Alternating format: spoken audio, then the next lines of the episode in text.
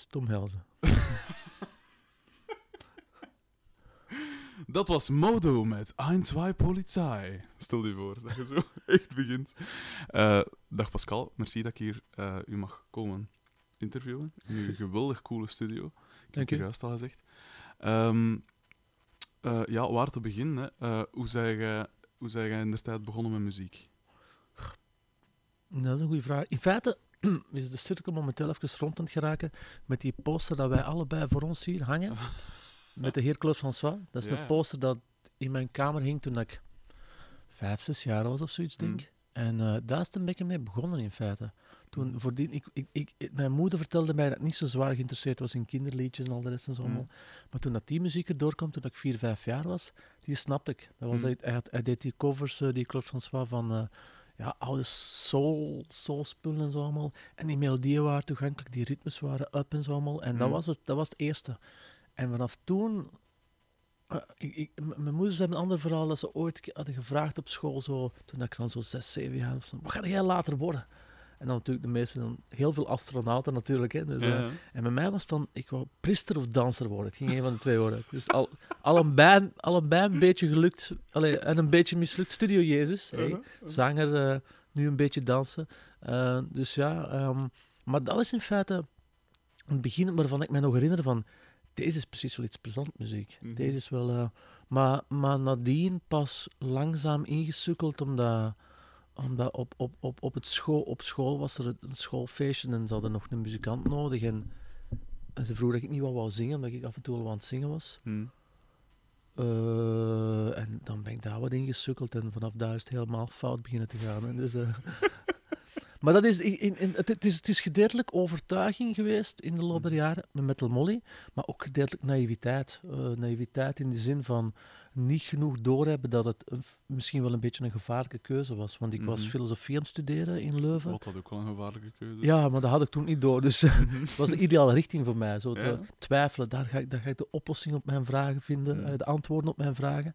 En ik had toen al filmschool gedaan en ik dacht van oké, nu nog filosofie, want dat gaat mijn eh, inzicht eh, in de wereld wel verbeteren. Hm.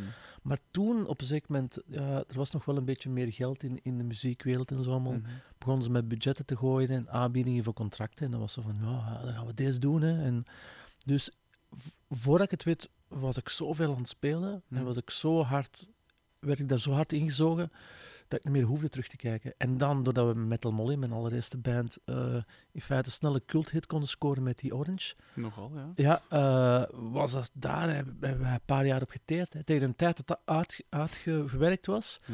konden we eindelijk een instrument bespelen. dus eh, dus, dus, dus dat was handig, omdat... Ik, ik, ik, heb het, ik heb het er af en toe over gehad met, met, met jongere muzikanten nu, die dat dus begin twintig zijn. Hm. En ik denk dat het pak moeilijker is nu om, Ja. om, om doorheen de, de, de, de, de, de, de massa te stoten. Doorheen, Mhm. eh, het is echt zo'n spermatozoïde eh, loop geworden. Hè? Dus, eh, het is echt zo... May the best one win, maar het is niet altijd een beste misschien. Je weet dat Uh-huh, niet. Ja. Wat trok u aan in dat priesterschap als jonge gast? Dat vraag ik me nu dus ook af. Ik weet wel, ik denk, ik denk dat er wel een simpele reden was dat ik dat eerlijk gezegd, dat gewaad toch wel iets semi-sexy vond hebben. Zo. En, en ik ben een paar keer misdienaar geweest en ik was dol met dat belletje rinkelen. Mhm. Dat was het hoogtepunt. Dus gewoon, dat was zo heel die kerk stil en dan... Echt, achter van hem, die microfoon blijft lopen. Hè. Die microfoon Ja, blijft ja, lopen. ja, tuurlijk. Dus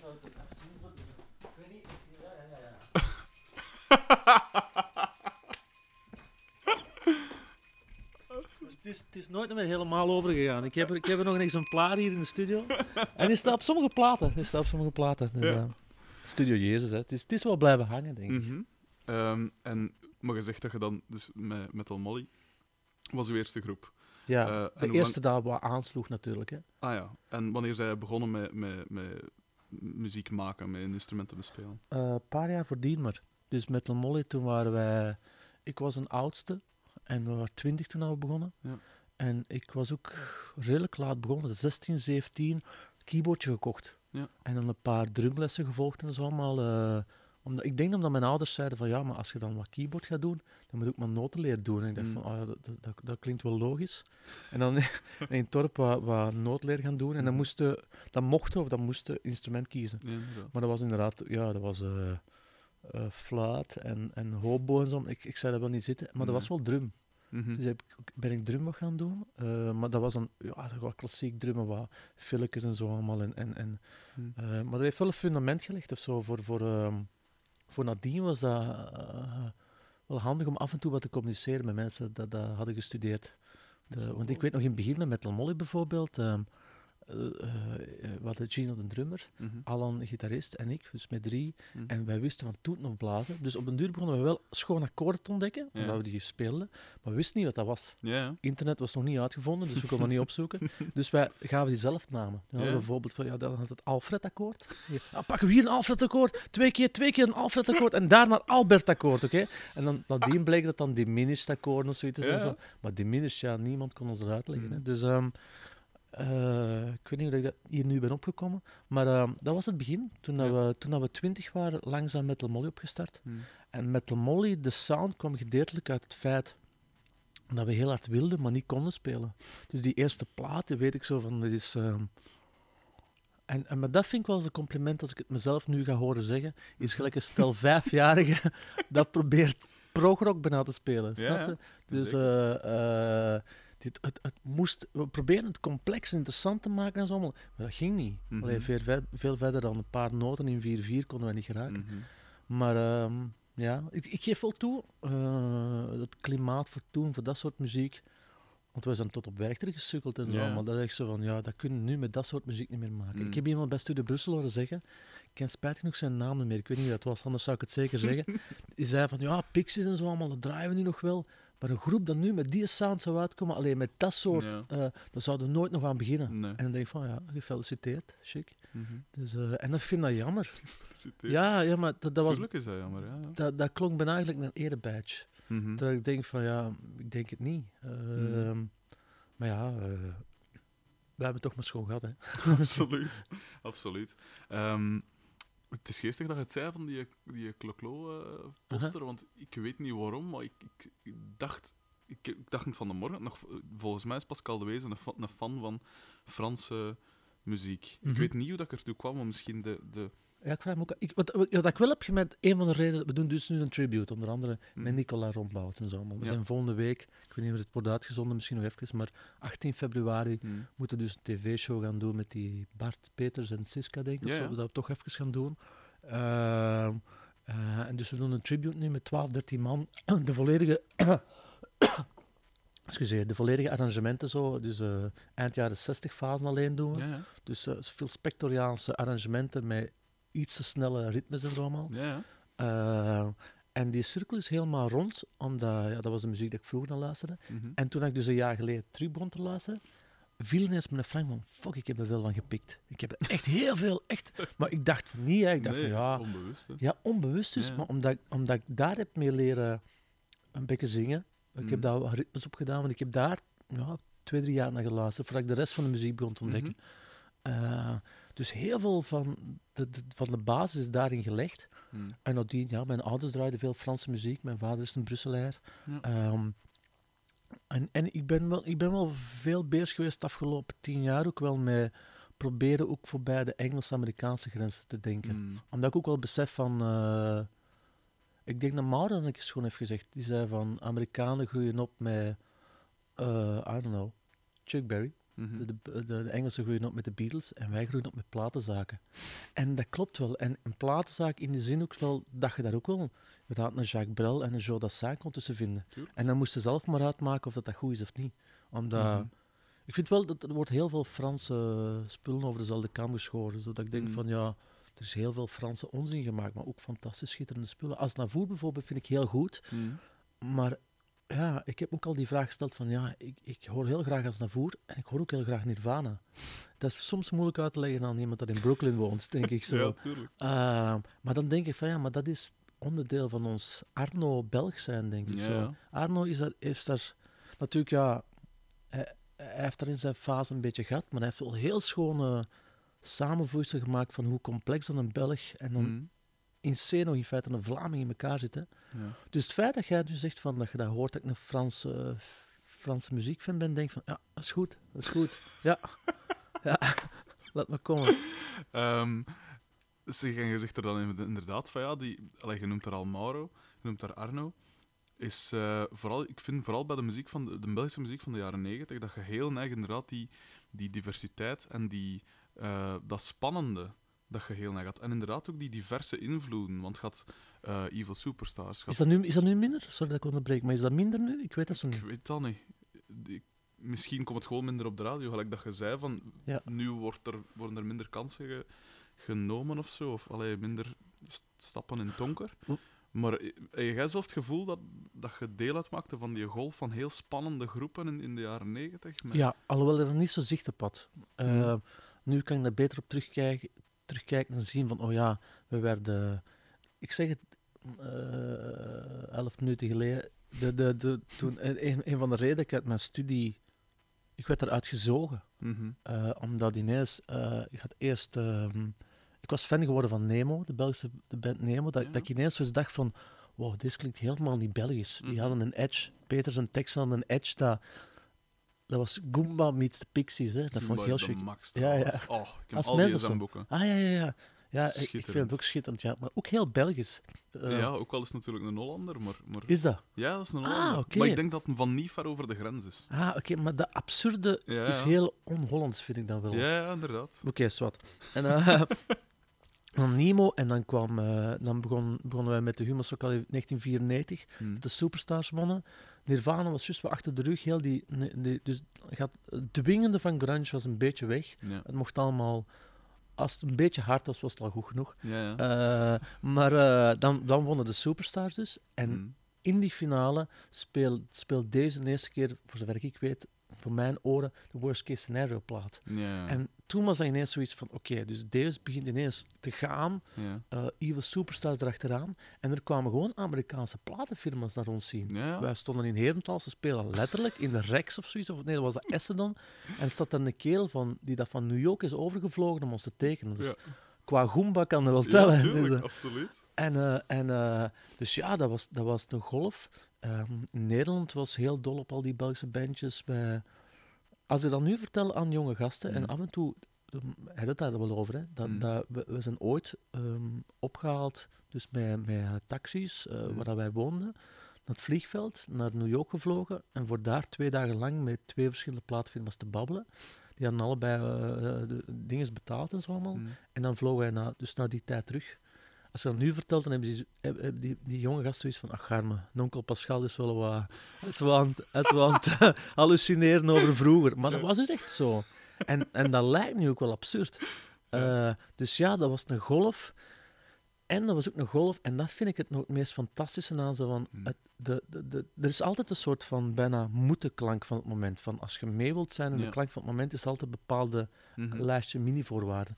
Een van de voorwaarden was toen van, ja, het moet wel luid zijn, maar het moet ook raar zijn. Ja. Moet, wel, moet zo een hoekje af zijn. Doe, maar- kunnen we niet iets met een hoekje af, maar edgy. we Zo. Ja, ja. De, de, de, de, en, en dat was in feite gek. Dat was echt Mhm. zo alsof er iets... Alsof, als, een paar keer om de zoveel jaar gebeurt dat in de popgeschiedenis, Hm. dat ze per ongeluk de deuren van het asylum open doen en Ja. dat die zeggen, ja, ga maar, ja, we doen. Ze hebben, ze hebben nu nodig deze keer. Aha. En dat voelde echt gelijk zo'n moment aan. Zo van, dus ineens liepen wij de poorten van de grote festivals binnen in de Mm. radio. En dan was ze van, oké, dat gaat hier makkelijk precies. eh. Ja, ja. Ah, wel, maar dan mis ik bijvoorbeeld nu een beetje. Ik heb heel erg het gevoel dat de laatste tien jaar, en pas op, dat zijn stuk voor stuk goede groepen wel, hè, maar dat gewoon die retro-feel is dan nu zo... Ja, het is, Ja. Het is niks ver- of heel weinig vernieuwend echt nog. Het is gewoon allemaal retro. En, en ik zeg het, eh, Black Box Revelation, Triggerfinger, eh, noem ze allemaal maar op. Supergroepen. Mhm. Stu- eh, stuk voor stuk geweldige muzikant. Ik, heb, Klopt. ik zat vorige week bij Polle van Triggerfinger. Mhm. Super fijne gast ook. Mhm, en ja. Zonder twijfel een geweldige muzikant. ja. Maar dat vernieuwende is, is de laatste tien jaar wat weg. En ik merk dat ook bij radiostations, dat ze, gelijk dat ik al zei, dat ze weinig precies, gelijk dat je zegt, de deuren van het asylum durven opentrekken.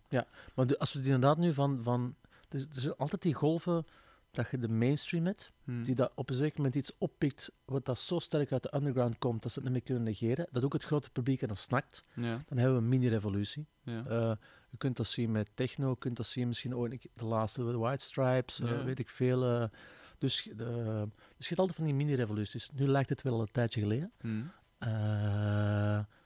Ik, ik, hoop, ik, hoop wel, ik hoop wel dat dat, dat, dat terugkomt of zo. Maar, Mhm. Want ik, ik weet dat er wel een heleboel spannende muziek is. Zeker. Ehm, die, die uit zich dan wel voornamelijk op, op ja, in feite, voor, voor, voor mijn smaak is het dan heel vaak op, eh, op subversieve manier kijken naar wat is een plaat, hoe moet die klinken, wat mogen we daarmee doen, hoe ver kunnen die manipuleren, Ja. wat is nog een song, eh, wat is Mm. een performance en zo allemaal. Dat zijn nu net het type vragen waar dat ze bij The Voice van Vlaanderen niet zo van wakker liggen, bijvoorbeeld. Ja. Zo. En dat is nu net het ding, de, de, de- ik denk zo, de, de breuk tussen entertainment en tussen spannende muziek Hm. is de afgelopen jaren wel wat groter aan het worden. Nu liggen, en, en dat lijkt me momenteel een verschil, liggen die twee kampen van elkaar nog wakker? Ja, minder, omdat die, diegenen die spannende muziek maken, hebben zoiets van, maar wij vinden echt wel tof dat we doen. En we vinden onze uitlaatklep nu dankzij internet. Mhm. Dus eh, in, dat, dat tegen elkaar aanschurken. Vroeger had de underground had de mainstream nodig, want anders was het gedaan. Ja. Die kan, hadden geen kanalen, die moesten van dezelfde kanaal gebruik maken. Mhm. Nu leven die twee werelden wat meer parallel. Dus ik vraag me af van, gaat er momenteel nog een toffe revolutie komen? Want bedoel, maar de, de, de echte mensen, de echte creatieve helden en zo allemaal, Hm. die willen niet op top of the pops. Die they don't, they don't Mhm. give a fuck en zo allemaal. Ehm, je, hebt dan, je hebt dan de anderen die dat, zo, wat- die dat de balans willen maken Hm. tussen eh, vooruitstrevend nieuw idee en dan toch willen aansluiten Mhm. bij de grote markt en zo allemaal. Dat vind ik ook wel heel spannend. Ja. Ehm, maar ja, wie is dat bijvoorbeeld? Ik vond in België bijvoorbeeld mensen dat bijvoorbeeld af en toe een goede balans erin hadden. De laatste tijd was Balthazar of ook zoiets hebben. Oké, Mhm. dus die doen ineens grote podia. En ik hoor dan en denk van, goh, daar zitten wel goede ideeën in. Echt zo van die spullen en zo allemaal, die balans en zo allemaal. Eh, maar ja, een heleboel andere groepen inderdaad. Puur nostalgie, hè. Maar ja, dat is ook zo'n discussie van, van, van nu de onveiligheid in de wereld, onzekerheid, bla bla bla. Hm. Eh, heel het feit van dat de mainstream zijn eigen afschermd wereldje heeft, hè, zoiets van, ja, dat is normaal. Het is Mm. normaal dat nostalgie ruled nu. Eh, dat brengt ons ook direct bij eh, de locatie waar dat we hier zitten, uw, uw studio. Dus jij als, als producer, want er hier juist ook al over, voordat de, voordat de tapes aan het rollen waren. W- dus wat, wat is voor u als producer dan, of als, als, eh, ja, als, als, ja, als producer, hè, wat is voor u de vereiste dat een groep moet hebben om, om hier te... Dat jij zegt van, oké, ik wil Ullen de studio induiken. ja. Maar eh, in feite op de website staat als er dat passie in zit. Hm. Nu, dat is een moeilijke. Maar ik wil ook niet zo... Ik wil niet op de website gaan zitten... Een lijstje van 17 voorwaarden. Ja, van, oké, en je mag niet stinken en je moet dit hebben en zo allemaal. Maar eh, wat dat wel heel belangrijk is, hè, dat wordt, Absoluut. eh, ik verschiet er nog altijd van dat ik hier binnen mag. Maar ja, ja, maar het zijn hoge plafonds hier, hè, anders was dat niet het geval geweest. Hè, dus, eh, maar eh, ja, in feite wat ik vaak doe, is ehm, Mhm. ik, mensen sturen een mailje Mhm. en dan aan de toon van de mail kun je al iets merken. Als dat heel, als dat heel raar zakelijk is en meteen over prijzen begint en we, en we willen dit en we willen dat en we zouden Mhm. toch liefst, eh, we hebben de Foo Fighters plaat gehoord en we zijn op zoek naar zo'n sound en zo allemaal. Hm. Dan, dan begint mijn rechterhand al zo wat klein beetje naar de delete-knop te gaan. Zo klein. Dus, eh, maar als ik zoiets merk van Hm. iets, iets dat dan mij triggert, dan gaan wij eens een koffie drinken of eh wijntjes s'avonds drinken of zoiets. Zo. En dan babbelen we een beetje. Ja. En, en dan, daar wordt vaak de beslissing gemaakt. Hm. Ik, heb, ik heb al spullen toegezegd zonder dat ik in feite een noot had gehoord. Dan hoor ik die mens praten over zijn muziek. Hm. Eh, ik kwam die toevallig tegen, de rest en zo allemaal, en die begon te praten over zijn muziek. En ze hebben een uur aan de praat geweest. En Hm. ik had zoiets van, ja, tuurlijk wil ik je opnemen, super. Nee. Eh, soms is het ook wel natuurlijk dat ik zo... De, ik heb over het laatst bijvoorbeeld een Nederlandse band gedaan, Sue the Night. Die Mhm. kende ik ook totaal niet. En die stuurde die muziek op en zo allemaal. En, en, en, en ja, die muziek vond ik echt zo... Ik vond het echt indrukwekkend wat die hadden gedaan. In de zin van... van, van eh, allee, Nederland staat niet altijd even hoog in mijn populariteitslijstje qua muziek. Ze hebben nog een paar dingen goed te maken. Zo, Anouk. Eh, en, eh, en, eh, dus, maar, die, maar die, die hadden zo'n goed idee. Die demo's waren zo tof. Dat ik dacht van ja, deze, deze, deze zie ik helemaal zitten en zo. Maar ik had die mensen nooit ontmoet. Zelfs geen koffie, het een of het Mm. ander. En ook maar meteen toegezegd. Dat was een beetje een gok. Dat was ook super plezant. Wel even zoeken zo. Die hadden, die, die, die, die hadden wel een andere kijk op, op hoe, dat, hoe dat een plaat moet gewaakt worden. Hm. Eh, en dus was even zo mm, het verschil tussen de, de praktisch ingestelde Nederlander en Mhm. de, ja, de maar aanfoefelende Vlamingen. Dus eh, lange polletjes hadden ongetwijfeld ook wel hebben een soort Ja. van ja, ingebouwde nonchalance dat in Vlaanderen... Mm. En, en dat levert ook die, die, die fijne gerafelde platen op, vind ik. Hè. De, de, de Ja. Ensor feeling. Dat, eh, ik vind dat wel tof. En eh, hoe, hoe groot is uw rol in de, in de studio dan? Bijvoorbeeld bij de, het uitdenken van een sound of van een. Allee, hoe, hoe, hoe, hoe neigen ze u. Of hangt het ervan af? Zeg je bij sommige dingen van deze gasten weten perfect wat dat ze willen doen en daar blijf ik af? Ja. Of zeg je van. Ja, inderdaad. Nee, de laatste. Eh, ik heb Ah. al echt zo handjesplaten, handjes vasthouden platen gedaan, dat, dat ik echt mee moet... eh, Alles herstructureren, mee arrangeren en dan zeker natuurlijk ook nog klank maken en zo Mm. allemaal. eh. en dat is plezant, wat vermoeiend. En, eh, maar, maar, eh, Eh, eh, ehm, maar ik heb ook al gehad zo dat ik dan dacht van... ehm, ja, ik ben in feite ook gewoon een muzikant hm, dat om meer vrij te krijgen en meer zijn eigen goesting te kunnen doen, zijn eigen studio's begint te bouwen. hm, In 2005 eh Artist in Residence in Trix geweest. hm, Ehm, een hele ruimte krijgen gedurende een jaar met opnameapparatuur. Als je dat gaat, there's no way back voor, voor, eh, voor de Ja. muzikant gelijk mij. Dat was echt zo van, oké, nu hebben we een laboratorium. ja. En dan konden we echt beter onderzoeken waar dat was groep naartoe wilde, welke klank dat we wilden en zo. We- eh, want ik had toch wel eens te, te vaak meegemaakt dat een techniek in het verleden tegen mij zei: Ja, maar deze mag niet, deze wordt niet gedaan, Mm. deze, deze, deze, deze is geen goed idee. En ik dacht van, oké, geen goed idee, goed, let's try it. Zo. Maar dat was dan ook geen optie. Dus eh, ik ben, op een zeker moment ben ik een keer naar Amerika moeten gaan voor een plaat te mixen. mhm, Omdat ik, die, die, had, die was schoon opgenomen op 24 sporen tape. En ik wou die door een soort van lage Big Muff parallel laten mixen. Dat er een soort van modderigheid dreigend in het laag zat. Niemand wou dat doen hier. Ik vond niemand dat mijn plaat op die manier naar de kloten wou mixen. Ik had zoiets, ja, maar zo moet die klinken.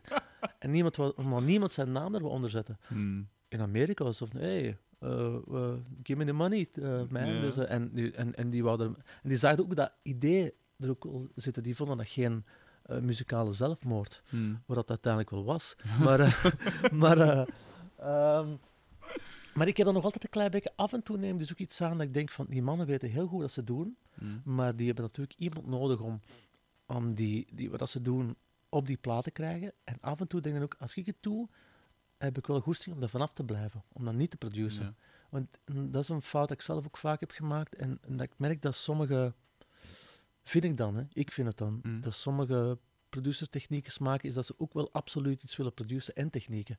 Dat ik denk van, nee, deze hebben dat niet nodig. Blijft dat, dat refrein is inderdaad niet schitterend. Maar dat is wel hun niet schitterend refrein. ja, voilà. Dat waar, waar, waar dat... Dus, eh, maar ik heb zelf die fout ook vaak gemaakt. Hè. De, dat, Mm. Ik begin het nu wat, wat beter te zien, maar ik heb ook heel vaak dingen rechtgetrokken en gedacht van, ja, maar deze kan veel beter, dat kan.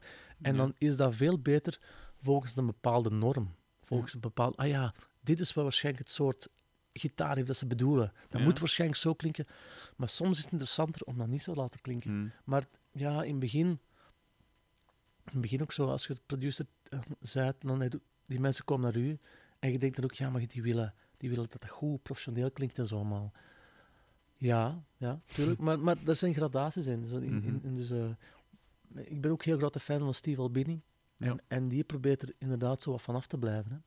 Eh, vind ik toch wel schoon inzicht. Dat, dat, je- Mhm. dat je de realisatie hebt als producer van die mensen hebben in, in feite niet echt uw, uw muzikale input nodig. Soms wel. Mhm. Soms vraag je daar effectief na, dan wil ik die ook wel geven. Hm. Maar ik probeer nu de reflex te hebben van, blijf er vanaf.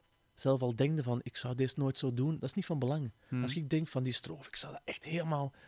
Soms, en dat is heel moeilijk voor mij, hou ik mijn mond. Eh, Ja. Ehm, maar ja, dat vindt ze een weg. Het is ook... Eh, ehm, ik, ik werk altijd met groepen die oftewel debuutplaten maken of raaflige platen maken of eigenzinnige platen. Mhm. Daar voel ik me heel goed bij. Ehm, en dan voelde ook wel dat de, dat, de, dat de druk op de schouders niet zo gigantisch groot is. Er, Mm. er, worden geen levens gemaakt en gebroken hier in Studio Jezus. Eh, hoop ik. Ehm, Uh-huh. Ehm, wat ik me altijd afvraag, als je een studio ergens binnen gaat, eigenlijk hier ook, er staat hier stampvol grief en Mhm. allemaal eh, analoge bakken en weet ik veel. mhm. Ehm, maar ik heb thuis, de mensen die mij kennen, of dat bij mij thuis al binnen geweest zijn, weten dat dat daar ook, ook stampvol gerief staat. Ja, Ik heb het geluk dat mijn lief ook muzikant is, dus die kan Ah, daar ja. perfect mee leven. ja. Ehm, maar wat deed je precies allemaal nodig om een treffelijke... Want ik maak zelf ook dingen en, en, en wat is het allemaal. Maar ik ben altijd En ook weer, de mensen die mij kennen weten dat ik heel impulsief ben als het gaat over muziekgerief en zo. Mijn rekening is momenteel Ja, ja, vrij, vrij... Deze is het laatste dat ik ga kopen. Ja. Dan, ga ik het, dan ga ik het tijdje stoppen. Ik heb dat trouwens ook met boeken. Boeken en, eh, en eh, Ja. muziekgerief. Maar wat zijn van die dingen, en nu gaan we natuurlijk een beetje in- into gear talk, maar wat zijn van die dingen dat je eigenlijk e- toch echt vrij nodig hebt? Nee, in feite, Want in feite niks, maar Nee. tegelijk weten we ook van ja, ja, het maar, helpt als je dit hebt. maar dat, is, dat, is, dat is een... Het helpt, ja, maar elk apparaat hier binnen helpt. Hmm. En niet als je ze allemaal tegelijk opzet, want dan loopt je verloren. En zeker niet... Ik heb het wel nog nooit geprobeerd, in feite. Alles achter elkaar aan te sluiten. Dat is wel een idee misschien voor ze biedt. Ehm, maar ehm dus eigenlijk bijvoorbeeld, eh, ik, ik heb nu bijvoorbeeld die grijze bak dat jij kunt zien. De mensen die Ja. luisteren kunnen die niet zien, maar ik zal hem licht beschrijven. het is een beetje een leger, eh, oud leger Ja. tankachtige grijze bak met een heel schone meter in het midden en een rood dingetje daaronder dat zegt retro. nu, dat is een oude, dat is een oude Verimoe eh compressorlampen Mhm. van in een tijd eh, van eh, Frank Sinatra en al de rest en zo allemaal. Allereerste type compressor. Mhm. En in feite is het nooit beter geworden. Dus ze hebben die al een tijdje laten liggen. Ze hebben dan proberen... Ze hebben andere methodes gedaan die ook goed zijn voor andere zaken. Mhm. Maar dit soort voor basgitaar bijvoorbeeld, en zeker voor zang, is fenomenaal goed, omdat die kan ongelooflijk hard compresseren. Dus met andere woorden, de boel naar beneden drukken, dat Ja. niet overstuurt. En je hoort die niet gaan in feite. Oh, omdat die, eh, die, die, die, die past, als, als het maar een klein beetje te luid is, dan werkt hij maar een klein beetje. Mhm. Eh, als hem snel moet zijn, gaat hem een klein beetje rapper. Die past zich echt aan. Gelijk een automatische fader, maar de beste fader man dat je hebt. Dat is toch super duur dan, al zoiets? Ja, die kost rond de 3000. Dus, eh, ja, tuurlijk. Dat is, al, elk, dat is ook waarom een studio zo duur is. Een plaat Ah, kost ja, lang, elk, appara- tuurlijk. elk apparaatje. Je kunt een goede compressor hebben voor 300 euro. Mhm. Als je dan een compressor wil hebben dat twee keer zo goed is, bij wijze van spreken, dat is niet mathematisch te meten, maar dat zeggen, Mhm. dan kost dat 3000 euro. Dat gaat algoritmisch omhoog, of nee, logaritmisch Ja. omhoog. Hè. Ehm, ja, ik ben niet zo goed in wiskunde. Ik ben- ik ben muzikant geworden. Dus, eh. Ehm, ehm, maar, maar ja, dus, maar dus niks is, niks is onmisbaar. Maar gelijk die, die bak Mm. bijvoorbeeld, die redt vaak wel mijn lijf. Voor de simpele reden bijvoorbeeld van, ik plug daar de microfoon in. Mhm. Ja, als het dan ook slecht klinkt, dan ligt het ligt het aan ons, ligt aan die mensen. Ligt, li- dat ligt aan die mensen. Dat ligt niet, oh ja, maar als we nu een betere compressor hadden, Mhm. dan was dat goed geweest. Hè. Nee, dat is bollocks. Want er staat, de zangmicrofoon is een, classic Neumann of een oude Telefunken. Daarin, in een oude MCI-tafel met een Pultec equalizer. Het wordt niet beter. Mhm. Dus dan weet al voor jezelf van, ja, oké, die excuses kunnen we dus al niet inroepen. Dus zal het al aan de muziek liggen. Ja. En dan ben ik in feite wel langzaam de fan van... ehm ik probeer zijn naam te komen. eh, Zo'n grote fan ben ik precies toch niet. Eh, de technieker van Michael Jackson vroeger. Zal ze Beatle opkomen. Ja. En die stelde zoekte de vraag van... Ja, maar jij hebt nu al met alle microfoons en alle zangers gewerkt en zo allemaal. Wat is nu je favoriete microfoon? En die zei van... Ja, degene met een goede zanger erachter. En dan denk ik... Ja, that's it, that's it. Aha. Dus, want, want ehm, ik heb mijn favoriete zangopname, zangdingen dat ik ooit een keer gehoord heb, van, dat ik denk van ja, dat is, dat is mijn favoriet stukje zangtechniek, Mhm. is Marvin Gaye in een documentaire hier in Oostende. Ja, ja. Ja, dat hier woont, hè? ja, en, en, en ooit gezien die beelden? Nee, spijtig genoeg niet. Er is een fantastische scène op, op YouTube. Hè. En ehm, alles staat op YouTube in feite. Dus ja, Ja. zelfs deze interview zal waarschijnlijk op YouTube terechtkomen. Dus ehm, je, hebt, eh, eh, eh, je hebt Marvin Gaye aan het repeteren is in Oostende. Er zijn Amerikaanse muzikanten overgevlogen. Mhm. Het is een soort van, I don't know, zo een achterruimte van een sporthalletje, zo ziet het er precies uit of zo. Mhm. Klinkt niet fantastisch goed.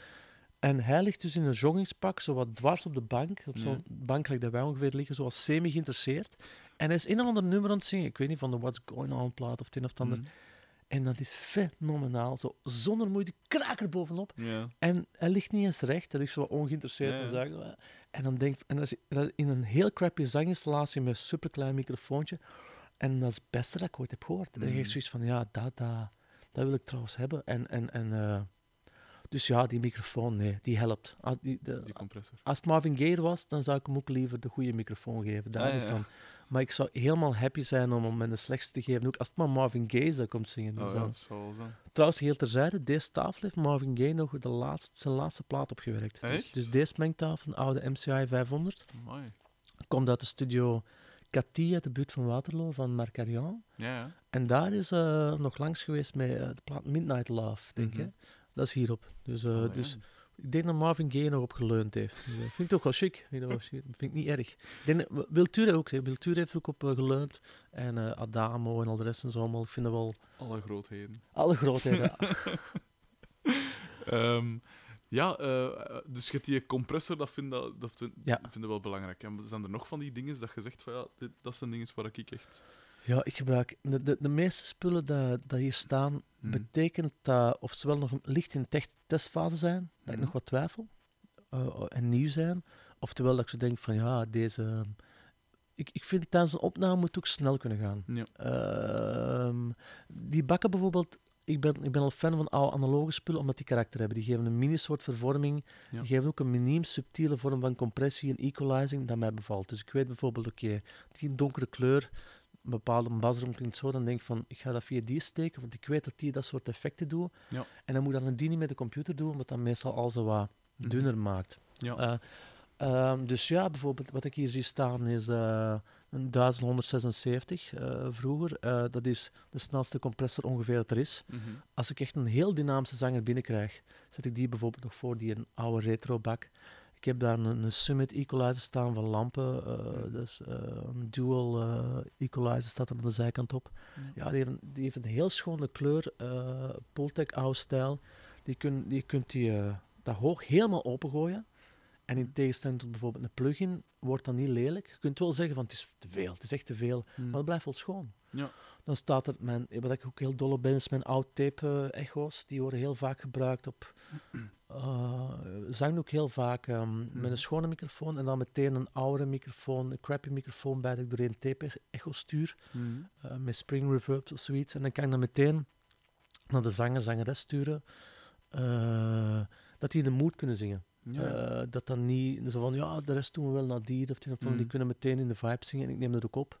En dat wordt dan vaak wel gebruikt Ja. eh, in, in de mix. En die tapes, ja, ik vind die echt wel schoon. eh, de oude tape-echo's hebben de neiging om, om, om makkelijker in de mix te zitten. Mhm. Ehm, dat vind ik trouwens met de meeste apparatuur. Het maakt gewoon het leven makkelijker. Ja. Ik denk dat je een even goede plaat kunt maken met alleen maar plugins. Ik denk niet dat je Mhm. met digitaal per se slechter af bent. Maar het is gewoon, ja, het is wel iets vetter en zeker makkelijker Mhm. eh, met analoge apparatuur. En ook plezant. Ja. Het is als je deze, als je gedoemd zit om deze levenslang te doen, Mhm. dan kun je wat beter wat toffe knoppen hebben om aan te draaien. Tuurlijk, ja, dus, dus het is ook een soort van Mhm. fetischisme. Duur fetischisme. Zeg, je, zei, je sprak erover micro's en dat is inderdaad iets wat ik me altijd afvraag. Ik ben nu op vlak van opnames en zo, ben ik het zelf ook nog allemaal wel aan het leren. Hè. Ja. Al, ik ben al een paar jaar aan het leren. maar ja, zeg dat blijft zo. Zeg. Ik ook, hè. Wel, sowieso. Maar bijvoorbeeld, wat is nu het precieze verschil tussen... Of, of het verschil in klank en het verschil in, in, in- ja, in, in alles eigenlijk tussen een ribbon mic en een condensator mic? En waarvoor gebruikte de twee? Of waarvoor gebruikte het best? Ja, ehm, dat is te moeilijk, want het is natuurlijk welke ribbon en welke condensator. Hmm. Ehm, om bijvoorbeeld te zeggen, eh, een van mijn favoriete ribbons is, een, is de classic, de Coles 4038. Dat is zo de BBC-microfoon, dat lijkt een beetje op een soort van paardenhoefijzer, zo, je hebt die misschien al gezien. Ehm, die is ongelooflijk warm. Ja. Eh, die hebben een redelijk recht, redelijk recht eh, neutrale sound in, in het gebied dat die opnemen. En dan Mm. gaat die redelijk snel naar beneden naar 12k. Dus echt veel, heel bright is het niet. Maar kunt u dan bijvoorbeeld, met wat ik daarnet zei, die Pultec, uh, Mhm. achter equalizer, wel wat naar boven duwen, dat die echt wel een soort van helderheid krijgt, dat ook niet lelijk wordt. Mhm. Dus ribbons, ja, stel je voor dat je dat je een drummer hebt dat, ehm dat veel bekkens gebruikt, hele schelle bekkens, dan ga ik minder condensators gebruiken, omdat die het top hoog heel Mhm. fris weergeven. Dus ook, met andere woorden, de agressie van de top hoog, Mhm. zet ik al een ribbon. Uh, Ja. Wil een iets oudere sound voor een contrabas, voor een vocal, wil het zo wat meer mellow, old style. Uh, een ribbon heeft bijvoorbeeld al de neiging om, om transients, dus de attack van een instrument, te temperen op een heel natuurlijke manier. Ah, ja. Dus willen met andere woorden, willen een drummen met ongelooflijk veel snap, dan pakt u een condensator. Ja. Dus het hele spectrum eh, veel beter gaat weergeven. De ribbon gaat u de indruk geven ervan, maar gaat alles wat mellower maken. Ah, ja. meer, meer jazzy, olde feel bijvoorbeeld. Ehm ribbon is ook heel leuk om in de room te zetten en wat te, wat te compresseren, omdat die... eh, je hebt bijvoorbeeld de neiging om, om je kamer op een... eh, die kleuren, die ribbons wel, om, om, om die op een positieve manier te kleuren. Ah ja. Nu bijvoorbeeld, ik gebruik heel veel ehm, eh, redelijk top quality ehm, condensatormicrofoons. Ik heb er ook, ik heb er ook lampen, eh, Hmm. condensators dat ik gebruik voor hun korrel, voor hun smaak, voor Ja, hun minieme manier van oversturing. Mhm. Maar ik leg bijvoorbeeld, er zijn een paar Neumanns en ik had dat in het begin niet door. Ik vond die Neumanns saai klinken. Ik had zoiets van, oh, zo, ah. En nu merk ik ehm, ah, dat die in innerlijke omstandigheden altijd overeind blijven. Het is Mhm. een heel dure SM57. maar ook bijvoorbeeld dat die heel goed zijn in, eh, in de realiteit weer te geven als je van wat verder opneemt. Heel veel microfoons, eh, condensators, klinken hetzelfde van op 20, 30, ven- 40 centimeter. Dan Mhm. denk je van, ja, deze is toch niet veel verschil. Maar dan zet er een keer allemaal op Omni. Sorry, verkoudheid. tijd, Nee, is niks. Eh, is. Dan zet het een keer allemaal op Omni. eh, en, ehm, eh, en dan gaan we het spul opnemen van op 2 meter. En dan Mhm. gaan we nog eens luisteren. En dan gaan we beginnen te merken dat, dat ehm, de goede koperen bepaalde frequentiegebieden benadrukken, andere minder. En dat die ook iets minder 3D gaan klinken. Domweg Mhm. bijvoorbeeld. Ten opzichte van een Neumann, ja, je gooit die in de strijd. eh, die gaat de stem of whatever dat je mee doet niet flatteren. Die gaat die weergeven gelijk die een beetje is. Mhm. Dus als je een slechte zanger hebt, dan kunnen we wat beter een van de gekleurde microfoons pakken. En echt een mens dan een heel schoon stem heeft van zich, Ja. zet dan een Neumann bij. Mhm. En dan gaat ze ook meteen goed in de mix plaatsen. Je gaat die veel verder kunnen manipuleren Mhm. dan een microfoon dat van goede koperen kwaliteit is. Maar is dat dag en nacht? Nee. Geef mij, geef mij terug Marvin Gaye en ik geef die ene waar. En die gaat, Mhm. dat gaat de beste zangopname zijn dat ik hier misschien ooit ga gedaan hebben. Mhm. Mijn excuses voor mensen die al gezongen hebben. Het is wel Marvin Gaye natuurlijk. Ja, tuurlijk. Dus, ehm, dus die zou ik wacht geven. Maar, ehm, maar ja, het, het, het, is niet, het is niet dag en nacht. Hè. Mhm. Eh, als je, eh, als je, stel je voor dat je een opname moet maken en je zou random microfoons kiezen en die ongeveer op de plek zetten. En dan zouden we wat meer keuze doen. Gaat, gaat de tweede wel wat voordeliger uitvallen. Maar dat is gewoon omdat het een keten is van 50 beslissingen achter elkaar. Ja. Als je 50 keer de foute microfoon op de foute plek zet en de foute eh, equalizing touches doet, dan krijg je echt wel een minder resultaat. Mhm. Maar ja, uiteindelijk is het echt een muzikant. hè. Het is de muziek, het is de muzikant, het is Mhm. de performance voornamelijk.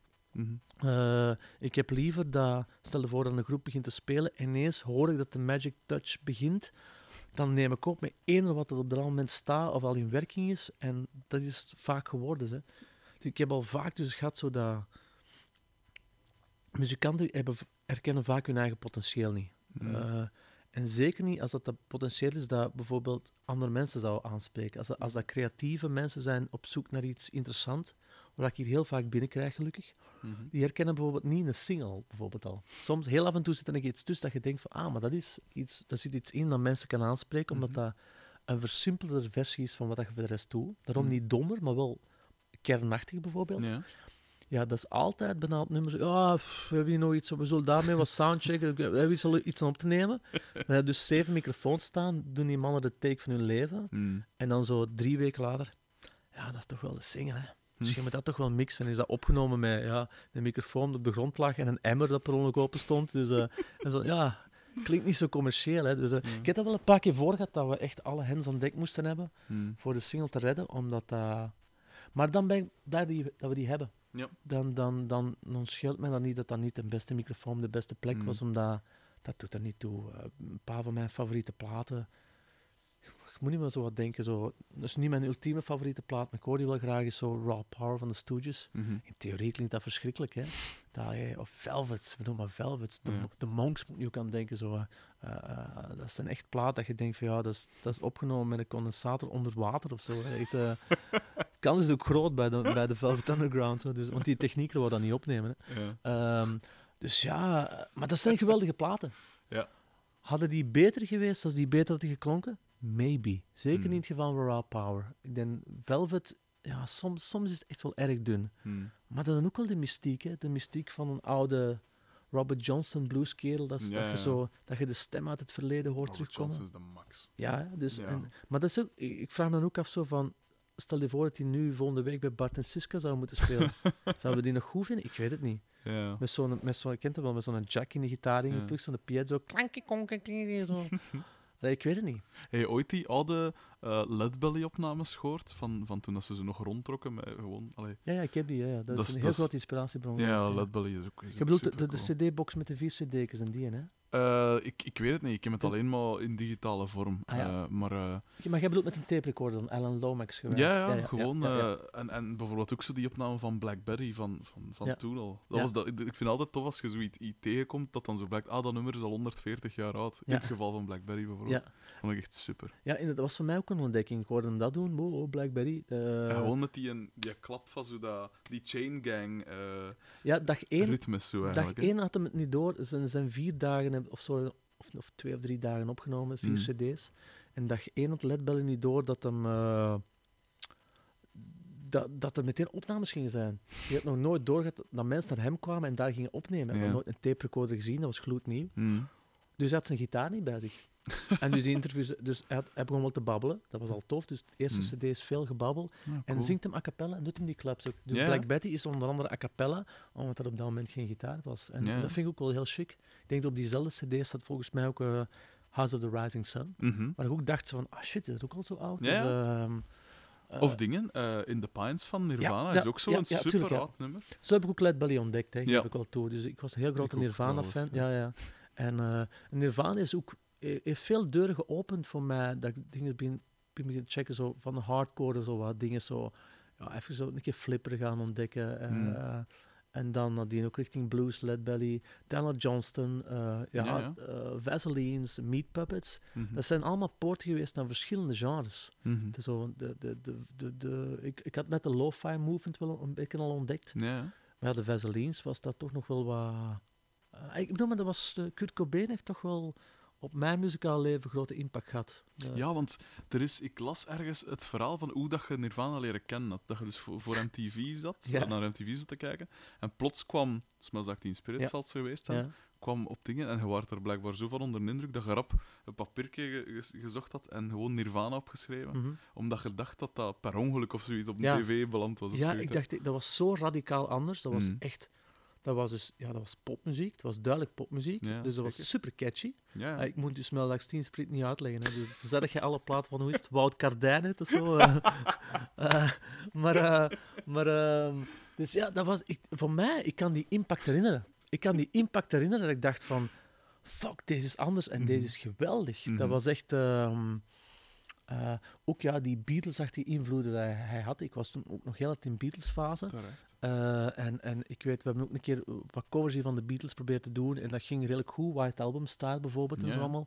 Maar zo'n She Loves You, die pure euforie van She Loves You, dat kregen wij in feite niet te pakken. Mm. Dat was echt zo, dat was zoveel samengebalde energie van 22-jarige mannetjes Ja. die dat on top of the world aan het geraken zijn. Dat kregen wij hier in Hoboken niet nagedaan. Als, allee ja, op onze leeftijd. Maar Nirvana wel. Nirvana, dat kwam Ja. uit die boxen en dat was luid, dat was euforisch, dat was een Mm. fuck you, maar dat was een happy fuck you. Ja. Dat was echt, eruit, dat ik nog nooit had gezien. En ik had zoiets van, wat ik dacht, ik dacht echt van, ja, deze is iemand dat per ongeluk dat even heeft doorgeduwd Ja. gekregen, maar zodra dat ze dat gaan zien van de leiding, dat wordt nooit nog gespeeld. Mhm. Dus ik heb echt inderdaad, ik heb nu Nirvana, echt in de zin, ik moet dat, mag dat niet vergeten, ik Ja. dat niet vergeten.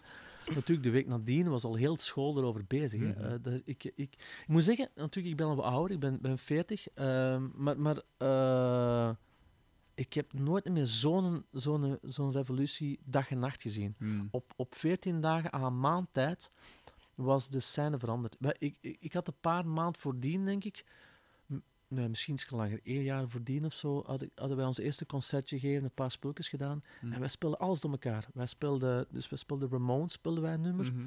Eh, wij speelden Stooges een nummer. Maar we speelden ook een nummer van de Eagles. Wij speelden, een nummer, wij speelden Ik wil je van de Kreuners. Dat kon allemaal. we vonden allemaal tof. Dat was niet... Totdat Nirvana kwam. Ja. En dan was van, ja, nee, sorry. We moeten hier streng zijn. Kreuners en Eagles buiten. en dat was ineens duidelijk van, dat is niet, dat is niet chic. Dat is niet Mm. tof. Dat is, dat, is, dat is de oude garde. Dat heeft Ja. afgedaan. Mm. Ehm, en dat heb ik nooit meer echt zo meegemaakt. Mm. Ehm, misschien ook ten goede, want een van de spullen dat ik tof vind aan de jonge muzikanten is wel dat ze dankzij internet eh, Mm. veel opener staan. Ik weet, ten tijde van Metal Molly waren er bepaalde zaken dat we aan ons eigen oplegden dat niet mochten. Nee. Zo een, een, een, een negenakkoord bijvoorbeeld heeft. Hey, uitverkoop, jazz, ja, je gaat maar in een jazzgroep spelen, jongen. Allee, dat heette bij ons dan waarschijnlijk een Alfred-akkoord wel, hè, maar, eh, Uh-huh. Ja. eh, maar dat was, nee, dat was erover. Ook zo, een, al, eh, al, melodieën moesten ook eh, zeer ehm, duidelijk standvastig zijn. Dat mocht niet opgefreewheeld worden, dat mocht niet zo, ja, inderdaad, jazzy eindes hebben of spannen, en dat moest... Waar dat je later duidelijk van afgestapt bent ook. Hè? Ja, maar toen pas, ja, om, omdat we tegen de muur liepen. Hè. Mm. Eh, Zo van, op den duur kun je je eigen...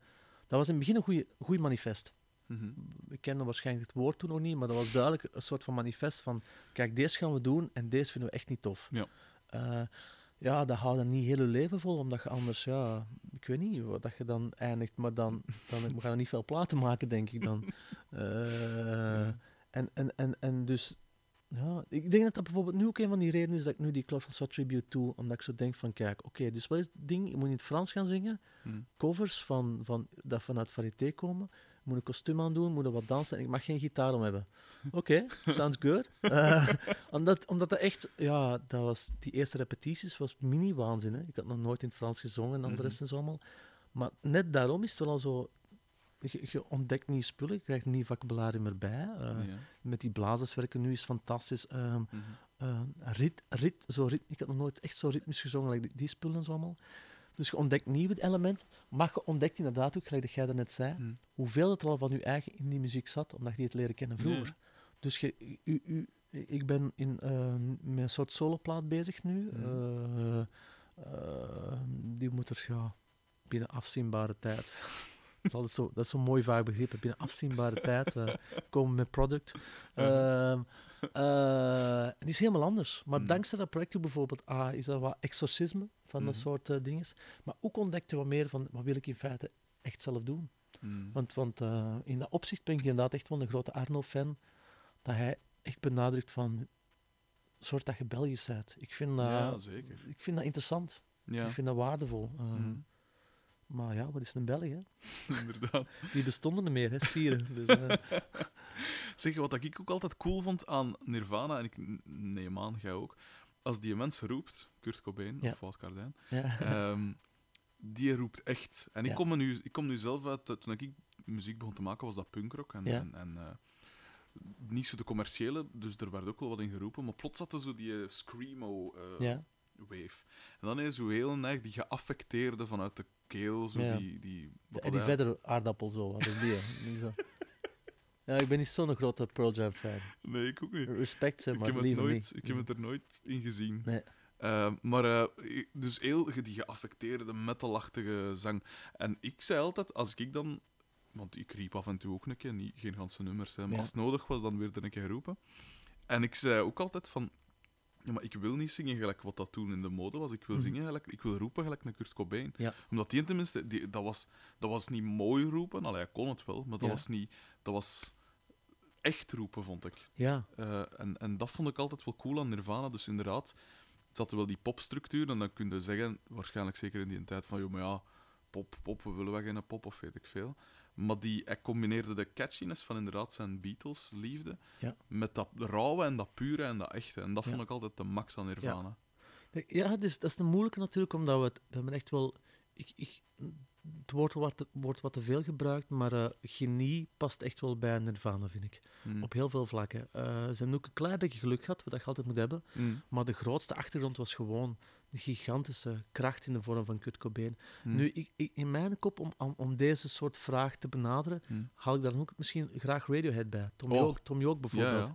Omdat die parallel hebben in de zin van dat die... ehm, als, ik, als ik hier bijvoorbeeld zangers moet opnemen, Mm. eh, dat wat minder talent hebben als Kurt Cobain en Tom York. En, en, De allee, ja. meeste mensen. Ja, sorry, ja, we moeten streng zijn of zo. Ja. Dus, eh, maar dat is niet erg, hè. Ik bedoel, maar, eh, ik- Nee. ik, ik- en, en dan meen ik echt zo de mensen die komen, vind ik heel gepassioneerd en getalenteerd. Mm. Maar natuurlijk zo, ja, het is, het is, het is altijd zo wat moeilijk opknokken tegen dat soort legendarische figuren. Tuurlijk. Maar dus, Kurt Cobain, Tom York, die hebben, wat die allebei heel hard hebben, is dat die, die kunnen eh, heel hard de, de essentie van het ballast onderscheiden. Zowel in performance als in het schrijven. Dus als Mhm. die met andere woorden zingen, nu, Kurt Cobain had dat niet, nog niet helemaal op Bleach, en Tom York had dat ook nog niet op die eerste twee platen. Nee. Er zit heel veel ballast in de zangtechniek, in de performance, in de uitvoering, waardoor dat je aan het luisteren bent en dat je denkt van, oh, er zit heel veel potentieel in, dat is tof en allemaal, Mm. maar je hoort Je hoort eh, de historie, je hoort, die stembanden werken, je hoort, eh, je hoort bijna het mechanisme werken van nu moet ik die klank zo gaan zingen, je hoort die klank niet veranderen en zo.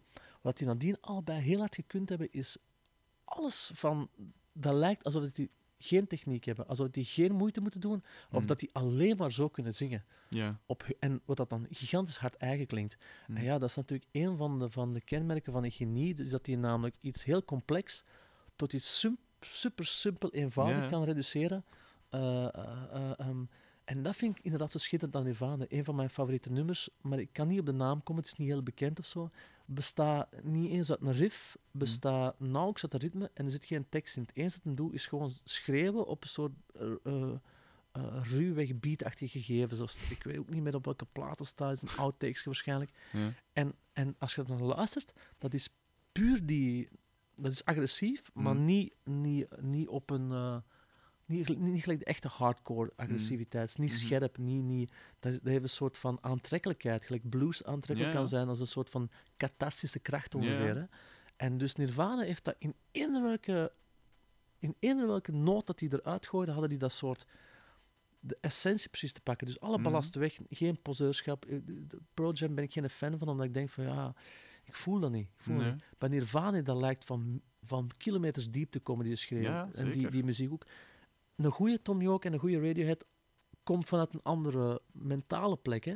Maar als Tom York zingt, kan hij precies op dezelfde manier diezelfde simpelheid channelen. Die heeft ook zoiets van, kijk, deze is de noot, deze is de lengte van die noot, dat is de toonhoogte, dat is mijn woord. Ja. En meer is er niet. Ja. En de rest moet jij maar doen. Mhm. Eh, dit in tegenstelling inderdaad tot heel veel The Voice-kandidaten, Mhm. dat je opkomt en dat je...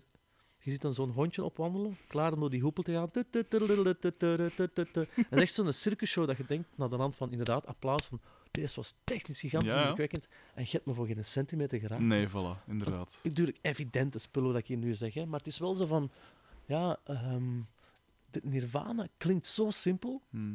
dat ik denk van, ja, hoe de fuck doe je zoiets, hè? Ja, ja. Om, zeker zeker in, met die zin van het nog eens opnieuw te doen met hun eigen sound. Ja, Hun eigen sound te gaan ontwikkelen dat even uniek als Radiohead en Nirvana is, maar niet Radiohead nog Nirvana is. ja.